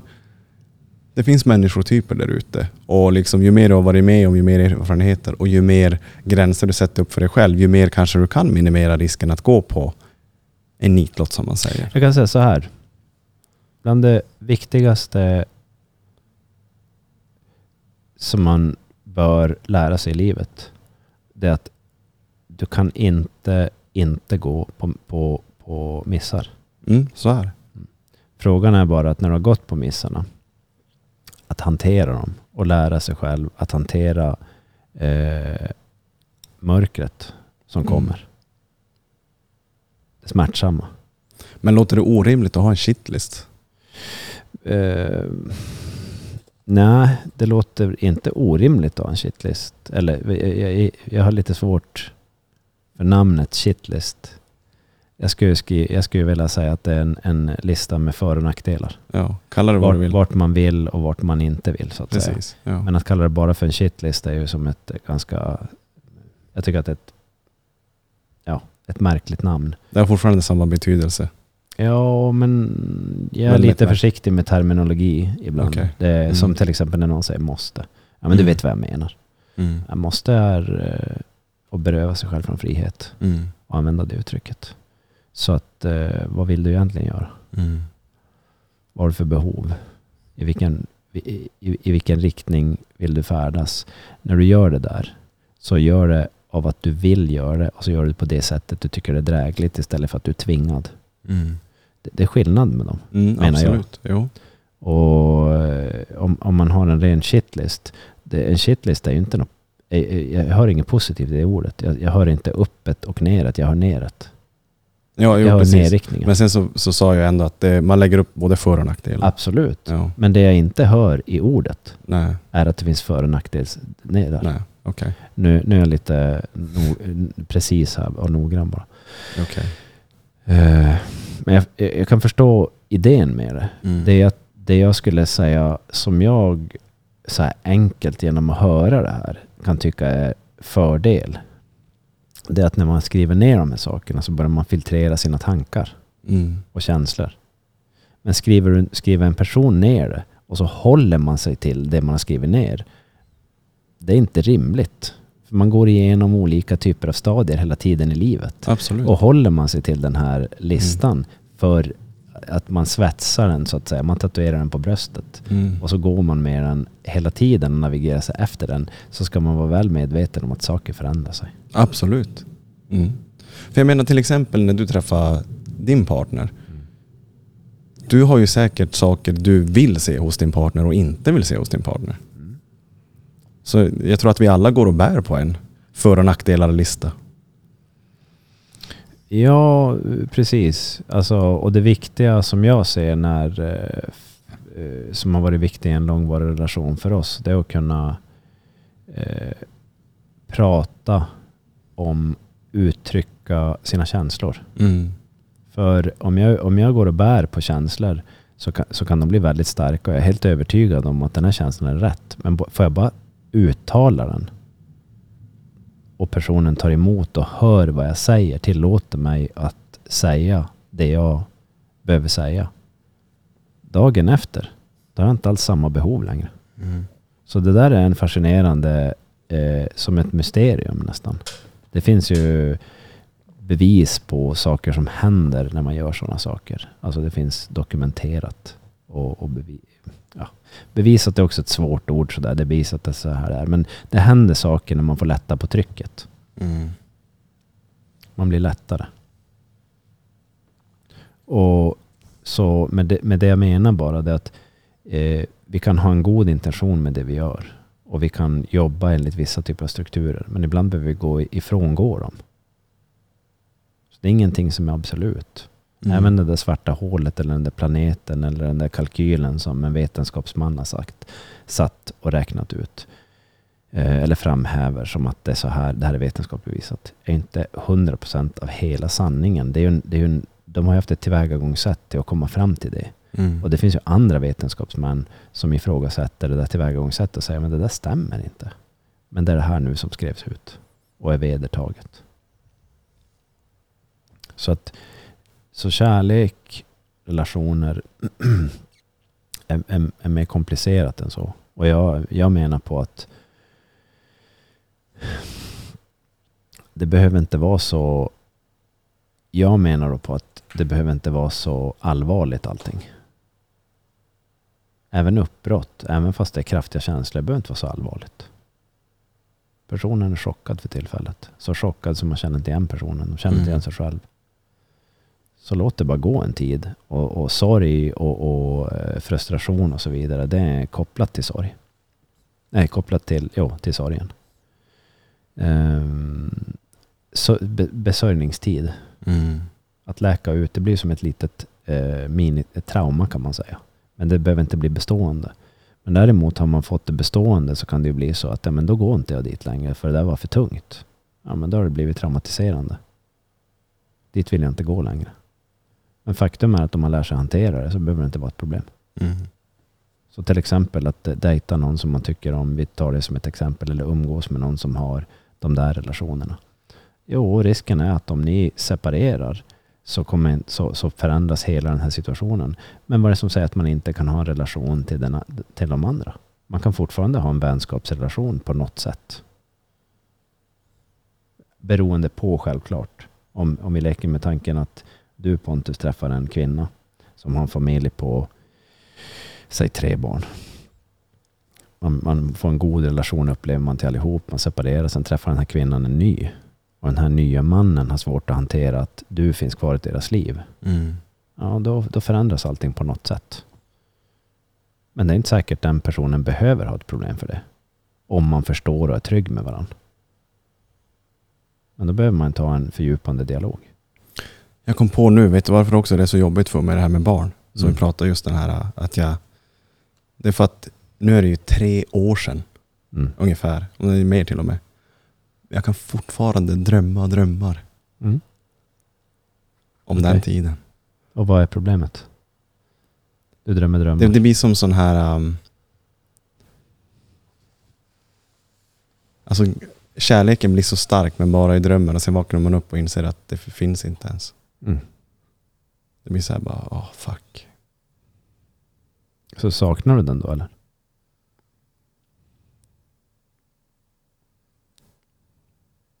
Jag vet inte. Det enda jag vet är att det är fint i drömmen. Och vad är problemet då? Men att jag aldrig har gjort så. Alltså det har gått så länge och att man, alltså det är ingenting som har liksom hemsökt mig så länge. Jag eh, förstår inte riktigt problemet ändå. Varför inte? Nej, det är därför jag frågar. Jag förstår inte riktigt problemet Ja, men- eftersom att Ja, ja men det blir så starkt och liksom så här, det, det, här, det här fina och den här, den här connectionen till barnen, den är som som att man, man vill vara i dess liv men det, det är man inte. så du upplever att du har tappat någonting. Ja, precis. Okej. Och det kommer som bara tillbaka till drömmen och så blir det så påtagligt så bara uh. Om, om, eh, om drömmen, om vi leker med tanken att drömmen försöker visa dig någonting men du har inte förstått vad drömmen skulle visa. Vad visar drömmen dig då? Jag vet inte. Jag vet faktiskt inte så här på rak arm. Att det finns kärlek i världen och världen är ganska vacker. Jo, Men för dig är drömmen ett problem. jag vet inte om det är ett problem men grejen är det att jag vet inte hur jag ska hantera den. Mm. Jag hanterar ju den som jag hanterar den. Om man inte vet hur man ska hantera någonting, då det kan definieras som ett problem. Fast jag mår ju som inte dåligt över det. Men grejen är att det blir som, alltså så här, det kommer upp fragment. Hur, hur mår du av den då? Men det skulle jag inte säga är något problem. Det blir hur fint. mår du av den då? När den väl är. Hur mår du av drömmen? Här och nu. Hur hanterar du det? Hur mår du av drömmen? Om man bara ställer, om Jag den mediterar på den och så tänker jag att ja, det finns inget mer. Men det finns i drömmen. Det, det är det jag kommer fram till. Sen går jag vidare med mitt liv och går, på, och går och gymmar eller någonting. Men har den gett dig, har situationen som du var med om gett dig någonting eller berövat dig från någonting? Nej absolut, absolut gett mig mycket liv och kärlek. Då förstår jag inte riktigt resonemanget som du för att du inte vill gå dit igen. Mm, men för att du blir påmind om det. Om någonting som inte finns kvar. Men så är ju hela livet. Gårdagen finns ju inte kvar. Mm, Men du får det låta så enkelt. För det är fortfarande känslor som, som eh, liksom finns där. Men är det helt sant att det, att det inte är så enkelt? Att det måste vara svårare?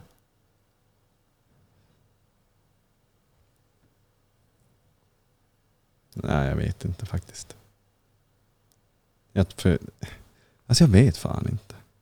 För jag anser inte att det är ett problem. Nej, vad jag, vad jag menar är, måste de här sakerna vara svåra? Eller kan det vara så att många saker i livet är egentligen ganska enkelt? Ja, absolut.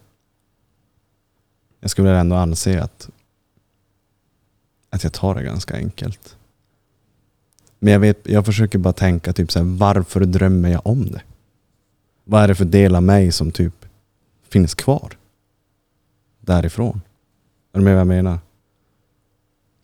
Lek med tanken att om jag såg min pappa dö framför mig och jag drömmer om det i 20 år, då kan jag ju förstå liksom så här bara, åh shit, fan. Typ traumatiskt. Men jag har som inget annat i livet jag drömmer om som bara, åh det där hände för fem år sedan, tio år sedan. Jag drömmer som inte om sånt. Mm. Så det är därför jag tänker bara typ så här, vad säger drömmen? Mm. Men du kanske, alltså, har inte du några drömmar som du bara, åh vänta, vad vill den här drömmen säga mig? Jag har en dröm som jag... Den, jag har den ingen mer. Mm. Eh, Jag hade den genom hela min eh, barndom. En mardröm. Identisk dröm. 100%, 100% identisk. Och jag, det som var fascinerande var att jag kunde känna att jag kommer, jag kommer mest troligt drömma den under natten om jag fick ett tryck över pannan före jag gick och la mig. Mhm. Ehm, nästan lite som en Stephen King-film. Att jag, så här, jag får en så här känsla, boom, det är något tryck i kroppen. Och då, varje natt så drömde jag den. Och ehm, det var en väldigt märklig dröm som jag inte förstod mig på. Tills en dag när jag, när jag förstod mig på att, vänta, jag behöver inte vara rädd för den här. Mm. Så det som hände var att eh, jag befann mig, befann mig ungefär som i ett mörkt rum. Och det här rummet hade korridorer. Men jag såg inga väggar. Och jag såg inga korridorer. Ingenting. Utan det var som bara ett, en mörk plats. Och så kom det som ungefär en märklig boll. Jag brukar kalla, för, jag brukar kalla dem för paltar. Alltså palt. Bara för att det är som avdramatiserade dem. Men då kom det en sån här boll en märklig, konstig boll kom mot mig. Och den var så obehaglig. Hela känslan var så fruktansvärt obehaglig så jag ville ta mig ifrån den. Men det fanns ingen, ingen dörr ut ur den här platsen. Så jag sköt bort den här bollen med allt jag bara kunde. Och ju snabbare och kraftigare jag sköt bort den så kom det en ny boll tillbaka. Så det var som en push-pull. Så när jag tryck en då kom den andra. Och när jag tryckte den andra då kom den första tillbaka ungefär. Och de var så fruktansvärt obehagliga. Så jag höll på med det där under natten och brottades med den här bollen eller saken eller energiformen. Och när jag var så trött så, så, så jag övergick i, jag vet inte, kanske någon form av panik. Då vaknade jag. Men jag var som i en dvala. Jag var som i en lucid dream. Så jag var kvar i drömmen medan jag var vaken. Och det som var grejen, när jag sprang omkring i huset och jag upplever mig själv springa omkring i huset. Jag är helt övertygad om att jag är vaken och springer omkring i huset. Men då finns ingen, ingen av de som bor i huset, mina föräldrar eller min bror, finns inte där. Men jag är helt övertygad om att jag är vaken. Och jag springer och öppnar dörrar kors och tvärs och är som i panik. Och till slut så behöver jag som lugna mig själv när jag ser att det finns ingenting farligt. De här bollarna finns inte kvar. Vad det än är, entiteterna, energiformerna. Monstren kan man skulle kunna kalla de här bollarna. De finns inte kvar. Så då fick, får jag ligga och i sakta ro lugna ner mig själv. Fruktansvärt obehagligt. Alltså jag är i panik. Fullständig panik. Och då får jag ligga och lugna mig själv, låta mig själv lugna mig själv. För alla mina sinnen är helt urspårade. Men sen så efter jag började studera beteenden och kroppen och så vidare, mindfulness, så kom jag på i vaket tillstånd att vad händer om jag faktiskt inte tycker den här bollen är, de här bollarna är obehagliga, utan jag bara låter dem komma? Vad händer om jag bara låter dem vara, de, de, bara, de bara får komma, men jag ska inte reagera, utan jag ska bara se vad som händer, för jag har aldrig testat att låta dem bara komma. Och då lät jag dem komma, och då försvann de. Sen dess har jag aldrig drömt drömmen. Så det som det verkar vara att jag hade inte accepterat utan jag hade slagits mot någonting. Mm. Och det där är en fascinerande sak. Hur, får jag fråga, det jag berättade där, hur lät det där? För dig? Det enda jag kan säga är att jag känner igen mig. För jag har en mardröm som har varit exakt sådär. Inte med paltar men. Ja. Jag kände igen mig i din historia. Mm. Mm.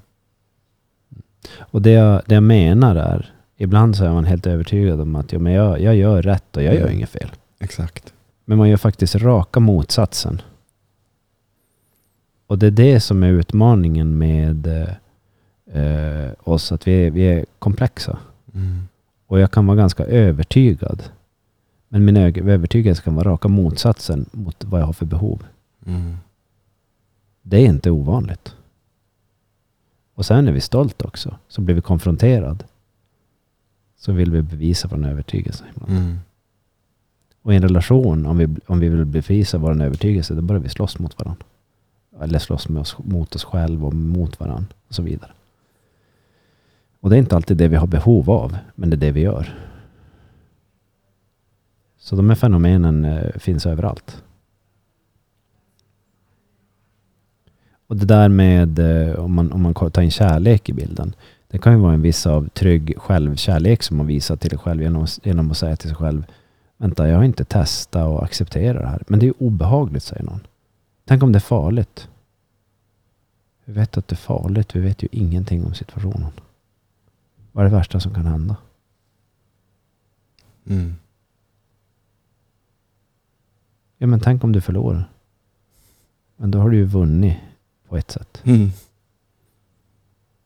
Varför är det bara en förlust? Mm. Finns det bara en tyngd eller finns det något annat? Finns det bara mörker eller finns det någonting ljust? Beroende på hur man ser på det.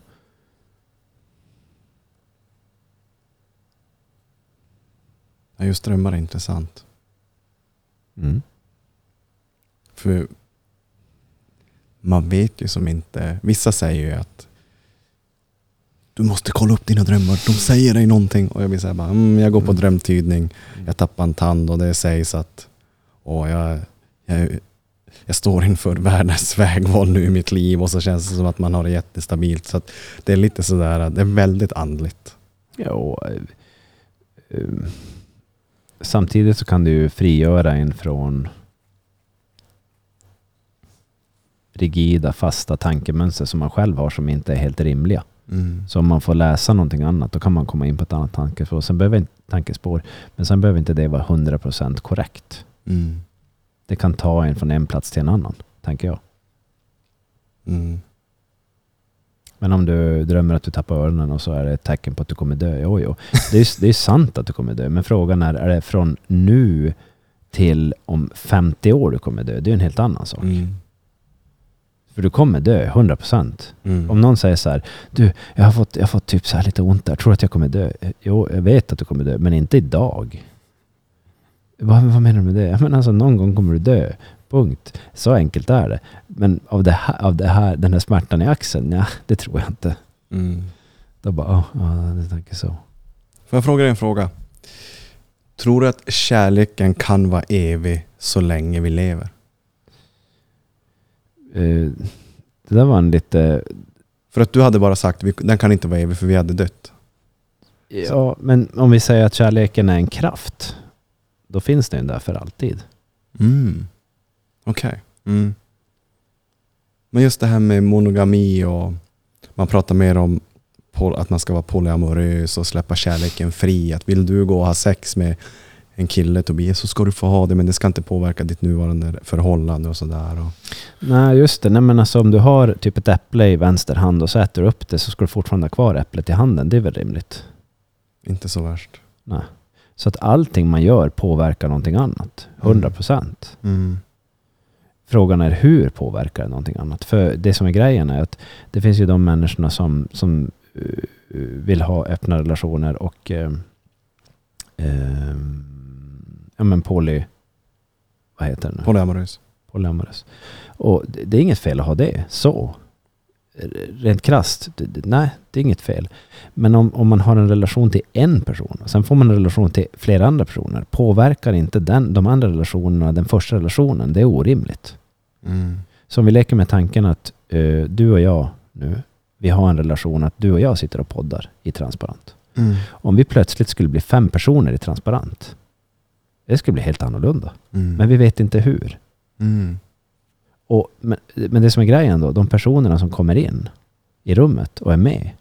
Om vi leker med tanken att varje gång skulle vi kunna sitta. Då får inte du och jag prata lika mycket tillsammans. Mm. Utan vi kommer fördela det ut på fem personer. Och är någon mer dominant, eh, någon mer osäker, någon mer styrande. Då kommer det påverka allas relationer. Mm. Så att det inte påverkar är o... Jag skulle säga att det är helt omöjligt att det inte påverkar. om någon säger att nej men det kommer inte påverka någonting om vi blir fler i det här rummet. Då är det så här, men ni har inte alls förstått hur tid och rum påverkas av oss och våra relationer. Så att men shoot, kör om ni vill. Men där skulle jag behöva vara ärlig och stå på mig och säga, men ni får inte komma in i rummet om ni inte Mm. är ens öppen för det här. Så kan det vara evig. Absolut. Mm. Men inte evig på ett sätt. Mm. För ibland så hör jag också människor som säger så här.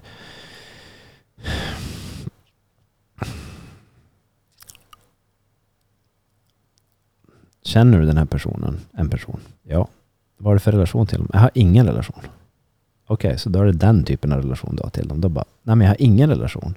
Nej men du har barn med den här personen. Jo, men jag har ingenting med dem att göra.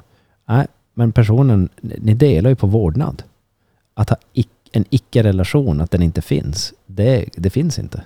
Det, det är, så funkar det inte. Utan vad har ni för relation? Och frågan är, är det den relationen ni har behov av att ha? Och det, hur kan man jobba på den här? Men att först och främst se att vi har en relation.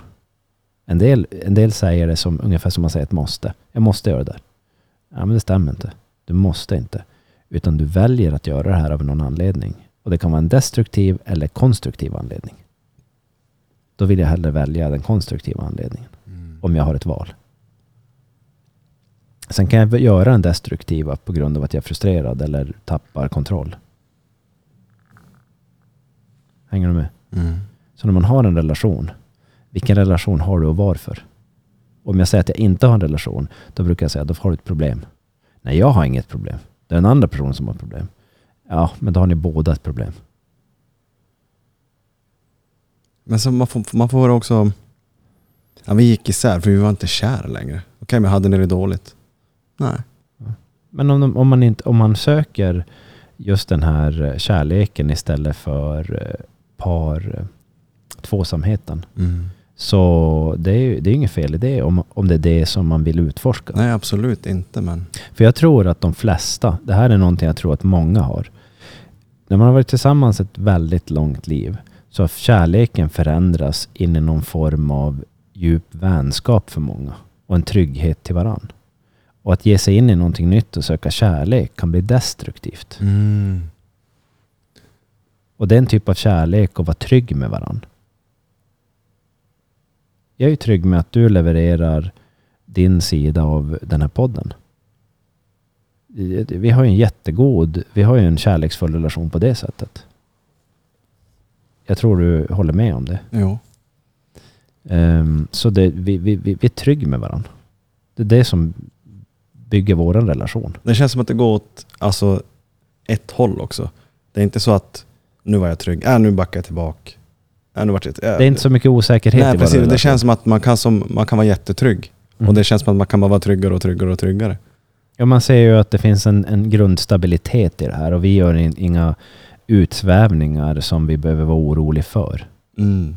Men däremot är man i förhållande till någon som gör, säg att du hade haft kvar ditt eh, missbruk Mm. och så hade du döljt det och så hade du sagt att men nu går jag på rehab, nu går det bra. Och så säger att du får återfall hela tiden och så säger att du ljuger väldigt ofta. Mm. Men du, du är jättefin och du är jättetrevlig och så vidare. Så då behöver jag ta in i kalkylen att du, du, du har inte kontroll på dig själv. Och du klarar inte av att vara ärlig. Ljuger väldigt mycket. Eh, Men du är jättetrevlig att ha att göra med när du är i rummet. Men det går inte att lita på dig. Nej. Då hade vi förmodligen inte haft podden. Nej, jag tror inte heller. Jag vet inte, men jag tror, jag tror inte Nej. det. Var ju en av anledningarna till varför jag startade allt från första början. Alltså, Att man kan ta sig ur någonting och eh, vara öppen med det och prata om det och för, göra förändringar. göra förändringar. Precis. Så att nej, jag hade nog inte haft podden om jag hade varit en liten tjackpundare. Mm. Och allt vad det innebär. Mm. Ja, det, det, det kommer med någonting på sidan. Mm. Och att kunna prata om det när man är i det, det är ju en fascinerande sak. Mm. Det är ju kärleksfullt att kunna belysa det. Mm. Och sen vara ärlig med att så här ser det ut, men inte ehm, på något sätt, vad ska jag säga? Ehm, att kunna belysa det man ser.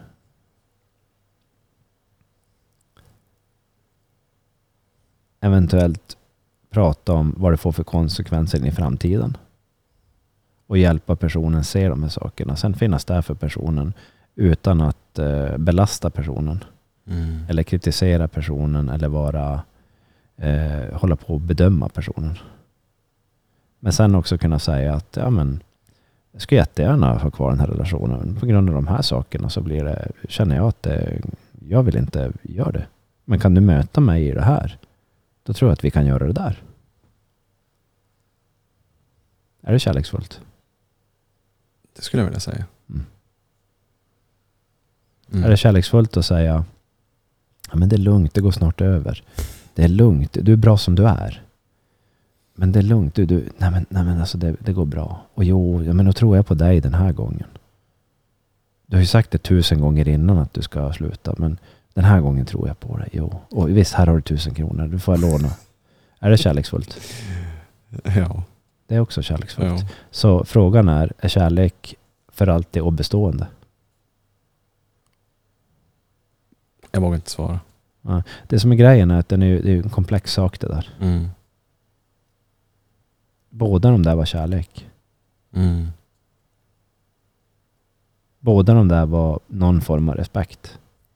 Upplever jag. Båda av de där var vänliga. De är bara i olika riktningar. Mm. Den ena är jag med, eller den frågande personen är med och tar kontrollen. Den andra så får du ha kvar kontrollen. Helt. Frågan är, är du, mår du bra av att ha kontrollen i Mm. det läget? Helt. Är det okej, är, är, mår du bättre av att man gör det lättare bara för dig just nu? Eller ska man göra det lite svårt för dig? Så att det kanske får bli lättare efteråt. Mm. Här kommer ju det komplexa in. Ja. Jag tycker, det, jag tycker det är fint att prata om just, eh, det kan man känna själv just nu när vi pratar om till exempel kärlek. Att man, det, jag tror att man har en fix idé av hur det ska vara och hur det ser ut. Så jag tycker att sådana här samtal är väldigt givande med dig där du faktiskt kommer, boom, där. Får, får jag fråga, vad är det som säger att man, man behöver ha en idé om... Vad, vad, vad är det som säger att jag vill veta hur det ska vara? Jag vet Vad- inte. För det, det är rätt intressant just, jag vill veta hur det ska vara. Men du kan inte Nej, det få går veta. inte. Nej. Så vill du verkligen? Jag vet inte. Det där, är en, det där är en lite mer komplicerad fråga än vad Mm. man ibland kan, kan vrida sitt huvud igenom. Ja. Om det inte går att göra så här, Mm. vill du det då? Du har två, vi leker med tanken. Du kommer fram till, eh, du går efter en väg i en skog. Du kommer fram till um, en, Uh, du, ser, du, du ser att vägen delar sig i två. Den ena högra vägen, då går en stig framåt. Och så går den som, du ser inte vart den är på väg, men den ser du att du kan gå. Den vänstra, då ser du att stigen går en bit. Och sen så är det en bro som har gått av. Som inte går att gå på.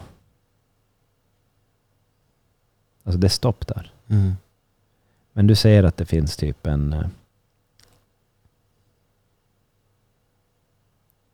någonting som attraherar dig på andra sidan bron. Jag kan säga att det är ett tempel eller det är en äng som ser väldigt fin ut och det är ljus där. Solen lyser där. Men efter den högra vägen så är det lite mörkt. Du ser inte dit. Men du ser att det går att gå där. Men vänster, då ser det väldigt lockande ut. Men du kan inte gå där. Vilken av de här väljer du? Vilken vill du, vill du gå till? I din beskrivning så sa du att en bro är trasig, det går inte att gå där. Och om, det, om målet är så attraherande att jag inte kan liksom tänka på något annat, då hade jag förmodligen, försökt bygga upp den här bron. Eller hitta en annan Exakt, väg. precis. Det som är lite lurigt med den här frågeställningen, Mm. Det är att då går man mot någonting som ska ge en snabb belöning och så försöker jag, försöker och försöker och försöker och försöker. Men jag utforskar inte vad som finns på den, på den vägen som det faktiskt gick att gå på. Men om den inte är snabb belöning då? Om det är någonting som kan vara en, en long term pleasure? Det är oftast mörkret som är det. Dit det går att gå. Mm. Det är precis där, där det, det, den här frågan ska, ska visa att var, varför utforskar man inte den där mörka vägen? För att man fastnade i någonting i det ljusa i Mm. tanken. Ja, men det går, det går, det går. Det säger även personen som har hamnat i en spelskuld. Det går Mm. ju att fixa det igen. Jo men det går. Jag ser ju att det går att vinna. Jag ser ju andra som vinner.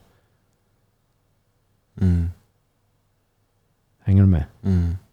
Så om det är så att man vet att det här går fan inte.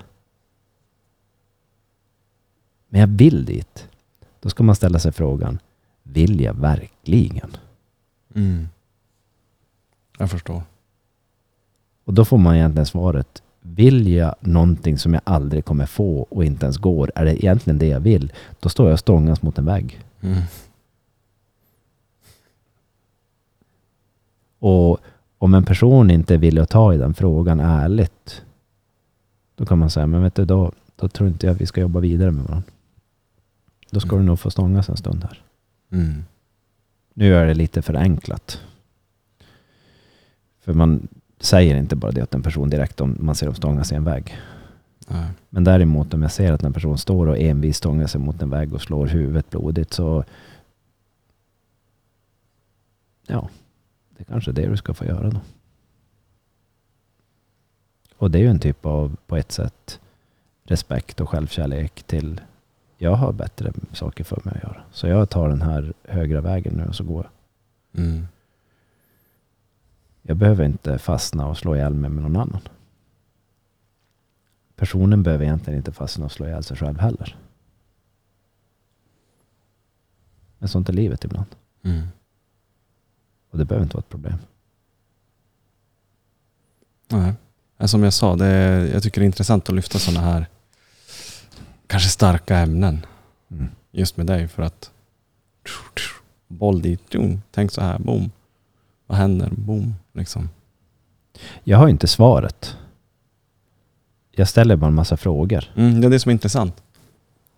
För jag kan ju inte låta bli, alltså min skalle är ju så här, ja, jag kallar ju ADHD-hjärnan, men det blir ju så här, alltså förstår du vad jag menar? Det blir som ett pinball game i, Ja. du står bara och- Jo, det är så här är det när vi spelar in podd. Jag är flipperspelet och du står bara, tankarna är de här, det är varje tryck så här, du står ju bara och då bara, och tanke, tanke, tanke, tanke, lösning, svar, vänta, hur, hur, var? Sen bara ett jävla pinball game ibland. Mm. Jag kan som inte låta bli att tänka. Kan inte du känna så också? Ehm, ja, ibland lite grann. Det, det som är, jag tror det som är, eh, har varit gynnsamt för mig det är, att, det är att veta att alla tankar är inte sann och så, och så ger de inte mer energi.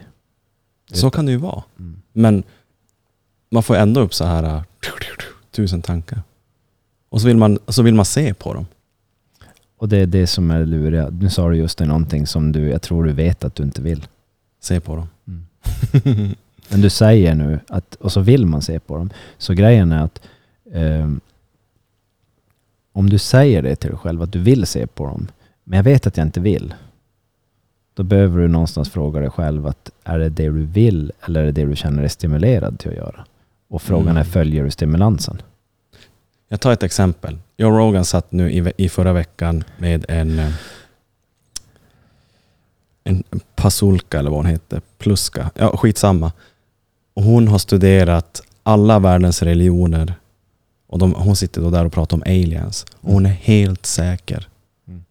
På att det finns aliens. Och liksom man, hon jämför med religioner och gudar och allting. Så att nej, teknologin och aliens finns. Det är, Mm. Och då är det så här, jag kan ju sitta och säga bara, nej hon har fel. Eller så blir jag så här bara, oh, vad har hon att säga? Det låter intressant. Alltså, absolut. Det är ju det är jätteintressant med en massa historier. Mm. Ehm. Jag kan säga så här, det, ibland får jag frågan så här av vissa, typ att ah, du, du gör ju det här, du gör det här. Eh, du, du borde kontakta de här, de här, de här och inleda samarbete med dem, dem, dem och det där, det där, det där och det ska bli så bra, bra, bra. Och då brukar jag säga så här, mm, nej. Mm. Och då bara, varför inte det? Då bara, Ja, väldigt enkelt. eh, Så varje samarbete kräver tid och energi för att skapa relationer. Mm. Och eh, många gånger så det man märker är att folk har orimliga, eh, satt upp orimliga ramar runt vad som får det här att fungera och vart man är på väg och är inte realistiskt i det. Så att jag har testat en massa eh, samarbete med personer där jag märkt att det här har varit väldigt orealistiskt. Men man har varit väldigt glad i början, så man har som varit på ett, på ett sånt där rosa moln. Jag har blivit eh, ganska besviken många gånger. Så att jag, jag känner bara att nej, det, jag har det ganska bra där, där jag är och sakta men säkert bygg, byggs eh, de här sakerna som jag håller på med starkare och starkare och starkare och vi, vi når längre och längre och längre så jag har det ganska bra. Och då bara, ja men alltså du skulle kunna få mer, mer, mer. Typ så här. Man bara, men Ja men tack för förslaget. Det, jag ska fundera på det. Så, och när man tar in en massa sådana här, oavsett vad det är för idéer, hur bra de än är. Eh, så frågan är, har man utrymme för dem? Är det, är det klokt att ta in alla de här idéerna i ens eh, sfär? Jag kan säga när det kommer till utomjordingar. Alltså, det är ju enligt om, om, om det stämmer vad som sägs eh, om, om kosmos och rymden och så vidare så är det ju bara en oändlig uppsättning av planet, planeter och solsystem. Så att, att om det är rimligt att det finns andra varelser i hela kosmoset här så skulle väl jag säga absolut är det rimligt. Eh, har de varit hit? Ja, svårt att säga. Det finns, verkar finnas de som säger ja och de som säger nej och folk som krigar om, om, om ja eller nej eh, med informationskrig och så vidare. Och folk ljuger och hittar på. Och sen finns det de som hittar på bara för att skapa desinformation ja, för det är kul och så vidare. Jävla märklig grej där. Men så finns det skrifter som säger att det finns Gud. Och Gud finns, vet ingen vem det är. Men det är bara en kraft som finns överallt eh, och hjälper oss och, och hit och dit. Och så finns det olika gudar säger de. Så man bara wow, vilken jävla märklig grej alltså. Så finns det utomjordingar. Ja, mycket möjligt. Mhm. Ja, bara en sån där kul grej. Man är så öppen för det mesta. Men sen Mm. behöver man inte ta ställning till det. Man är så bara, all right, nice story. Typ. Så, mm. Det är... ehm, men sen i, i, i det stora hela, om det nu än stämmer det också, för det är också en teori. Big Bang. Alltså från en stor kosmisk smäll så har vi kommit till och sitter här och är, är, sitter någonstans i en expansion från en kosmisk smäll. Och allt det här har vuxit fram och så vidare. Det är bara wow, det, ja det är också en teori. Så att kosmiska smällar, Gud och aliens. Ganska häftigt. Ja, det, de, de är olika Mm. eh, sätten att se på eh, människans ursprung, vart vi är på väg och vad vi är i relation till. Och just hur många som, som ser olika på det här. Mm.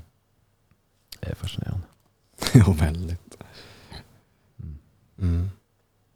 Hur Men, känner men, du? men ja. så, så, så, så kan det gå när man börjar prata om kär- kärlek. ja, men det blir, jag säger som Ted Gärdestad, kärleken är störst. Kärleken är störst. Tolka Ja. det hur du vill. Och han tog livet av sig. Mm. Mm. Hoppa framför ett tåg. Han var med i Bhagwan-sekten. Bhagwan-sekten till och med. Jag, hade, jag har haft nu de senaste två, tre veckorna har jag haft Ted, jag har ju Ted tatuerat på axeln. Är det från honom? Ted Gärdestad. Mm. Alltså jo, det är Ted Gärdestad. Mm. Och sen vuxit upp med Ted Gärdestad och spelar Ted på piano och sådär. Men de senaste veckorna, jag får så här Ted-perioder ibland. Så jag har sett om hans film och lyssnat på hans låtar igen. Mm. Och lärt mig lite grann på piano. Ja, nej. Sol, vind och vatten. Visste du att den låten skulle egentligen heta Sol, vin och vatten? Det visste jag inte. Men för att den skulle, liksom, den skulle vara renare för radion så blev det sol, vind och vatten. Mm. Sol, vin och vatten, det är en intressant... Eh, eh, har du hört talas om eh, eh, ordspråket eh, göra vatten till vin? Turning water into wine. Nej, vad är det? Okej. Det är ju en alkemisk process, alltså att göra basmetall, typ bly till guld. Mhm. Har du hört talas om det någon gång? Bly till guld? Nej. Okej. Mm. Jag kanske har hört det men jag har inte lagt det Nej. på minnet. Alkemi, har du hört talas om det? Jo. Alkemisten. Ja, vet du vad alkemi är? Alltså grundkonceptet. Ja, ja, jo. Ja. Formler och det är ämnen. Och... Ja, att göra basmetaller till ädelmetaller. Okej, är det Jag, alkemi? jag, jag tror det grunden är, om vi kollar upp det lite snabbt. Jag ska se, Definitionen av alkemi. jag ska se definitionen på alkemi. Paolo Coelho, Coelho har ju en bok som heter Alkemisten. Den är min bokhylla men jag har inte läst den. Känner du igen den boken? Jo, jag ska se. Jo, låt mig googla. Eh, nej, nej, nej, men nu håller jag bara på. Jag Ehm, skojar. En tidig, eh, alkemi, en tidig form av naturfilosofi som fanns i Europa, Afrika och Asien ur vilken den moderna vetenskapliga kemin växte fram Mm. och nu betraktas som en pseudovetenskap. Mhm. Alltså inte relevant vetenskap längre. Um, jag ska se vad det står här.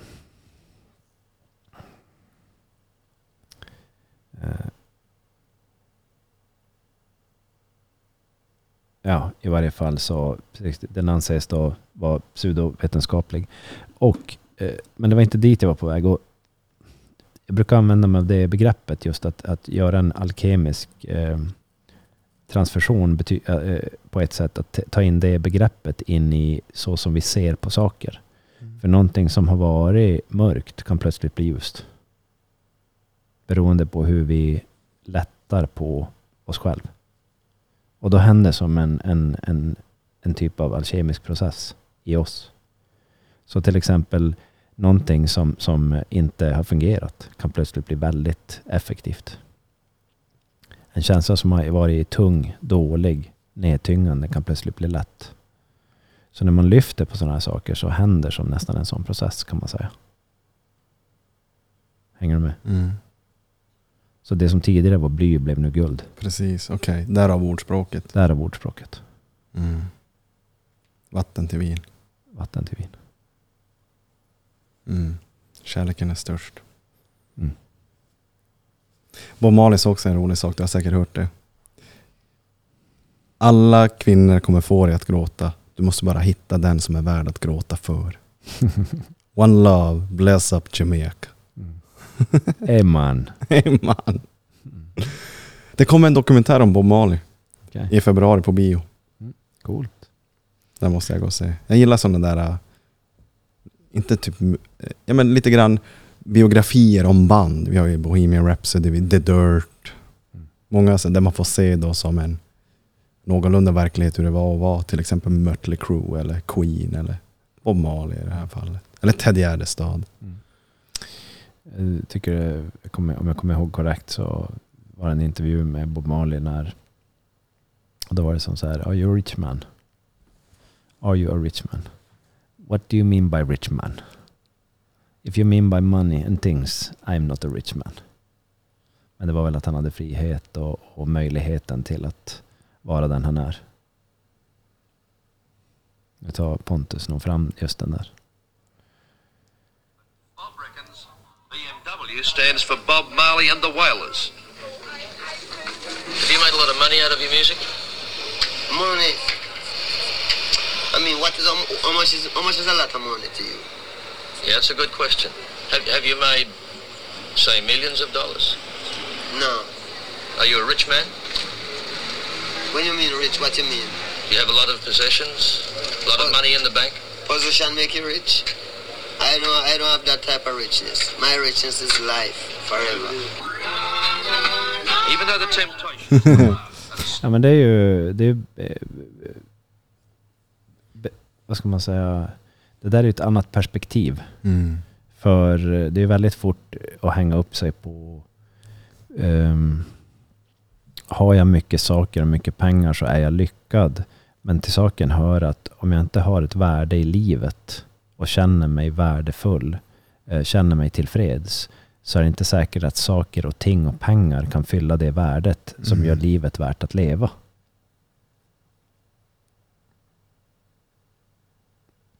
Det är en intressant sak. Mm.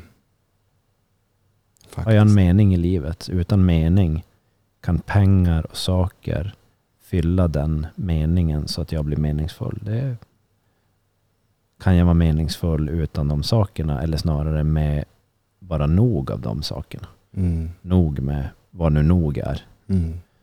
Till, tillräckligt med pengar. Men just det där att vara lyckad i mängden pengar och storleken på bilen eller huset. Ja, vem, vem är det egentligen som har sagt att det är det som är lycka? Och hur lycklig blir man av det?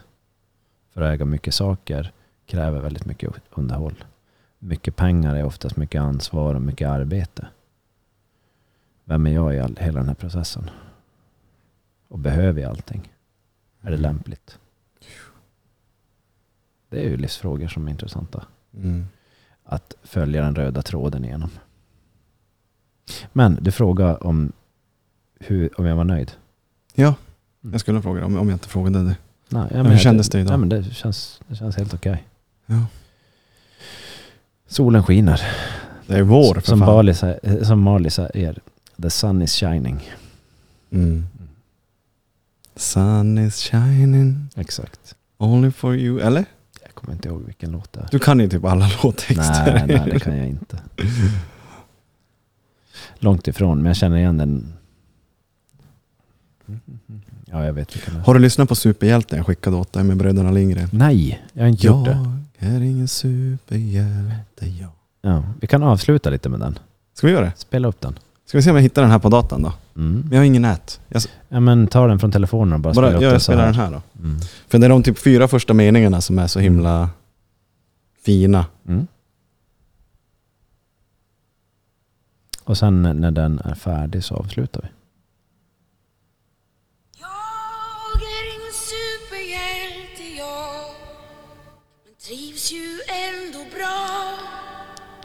Med mina lagom snabba ben.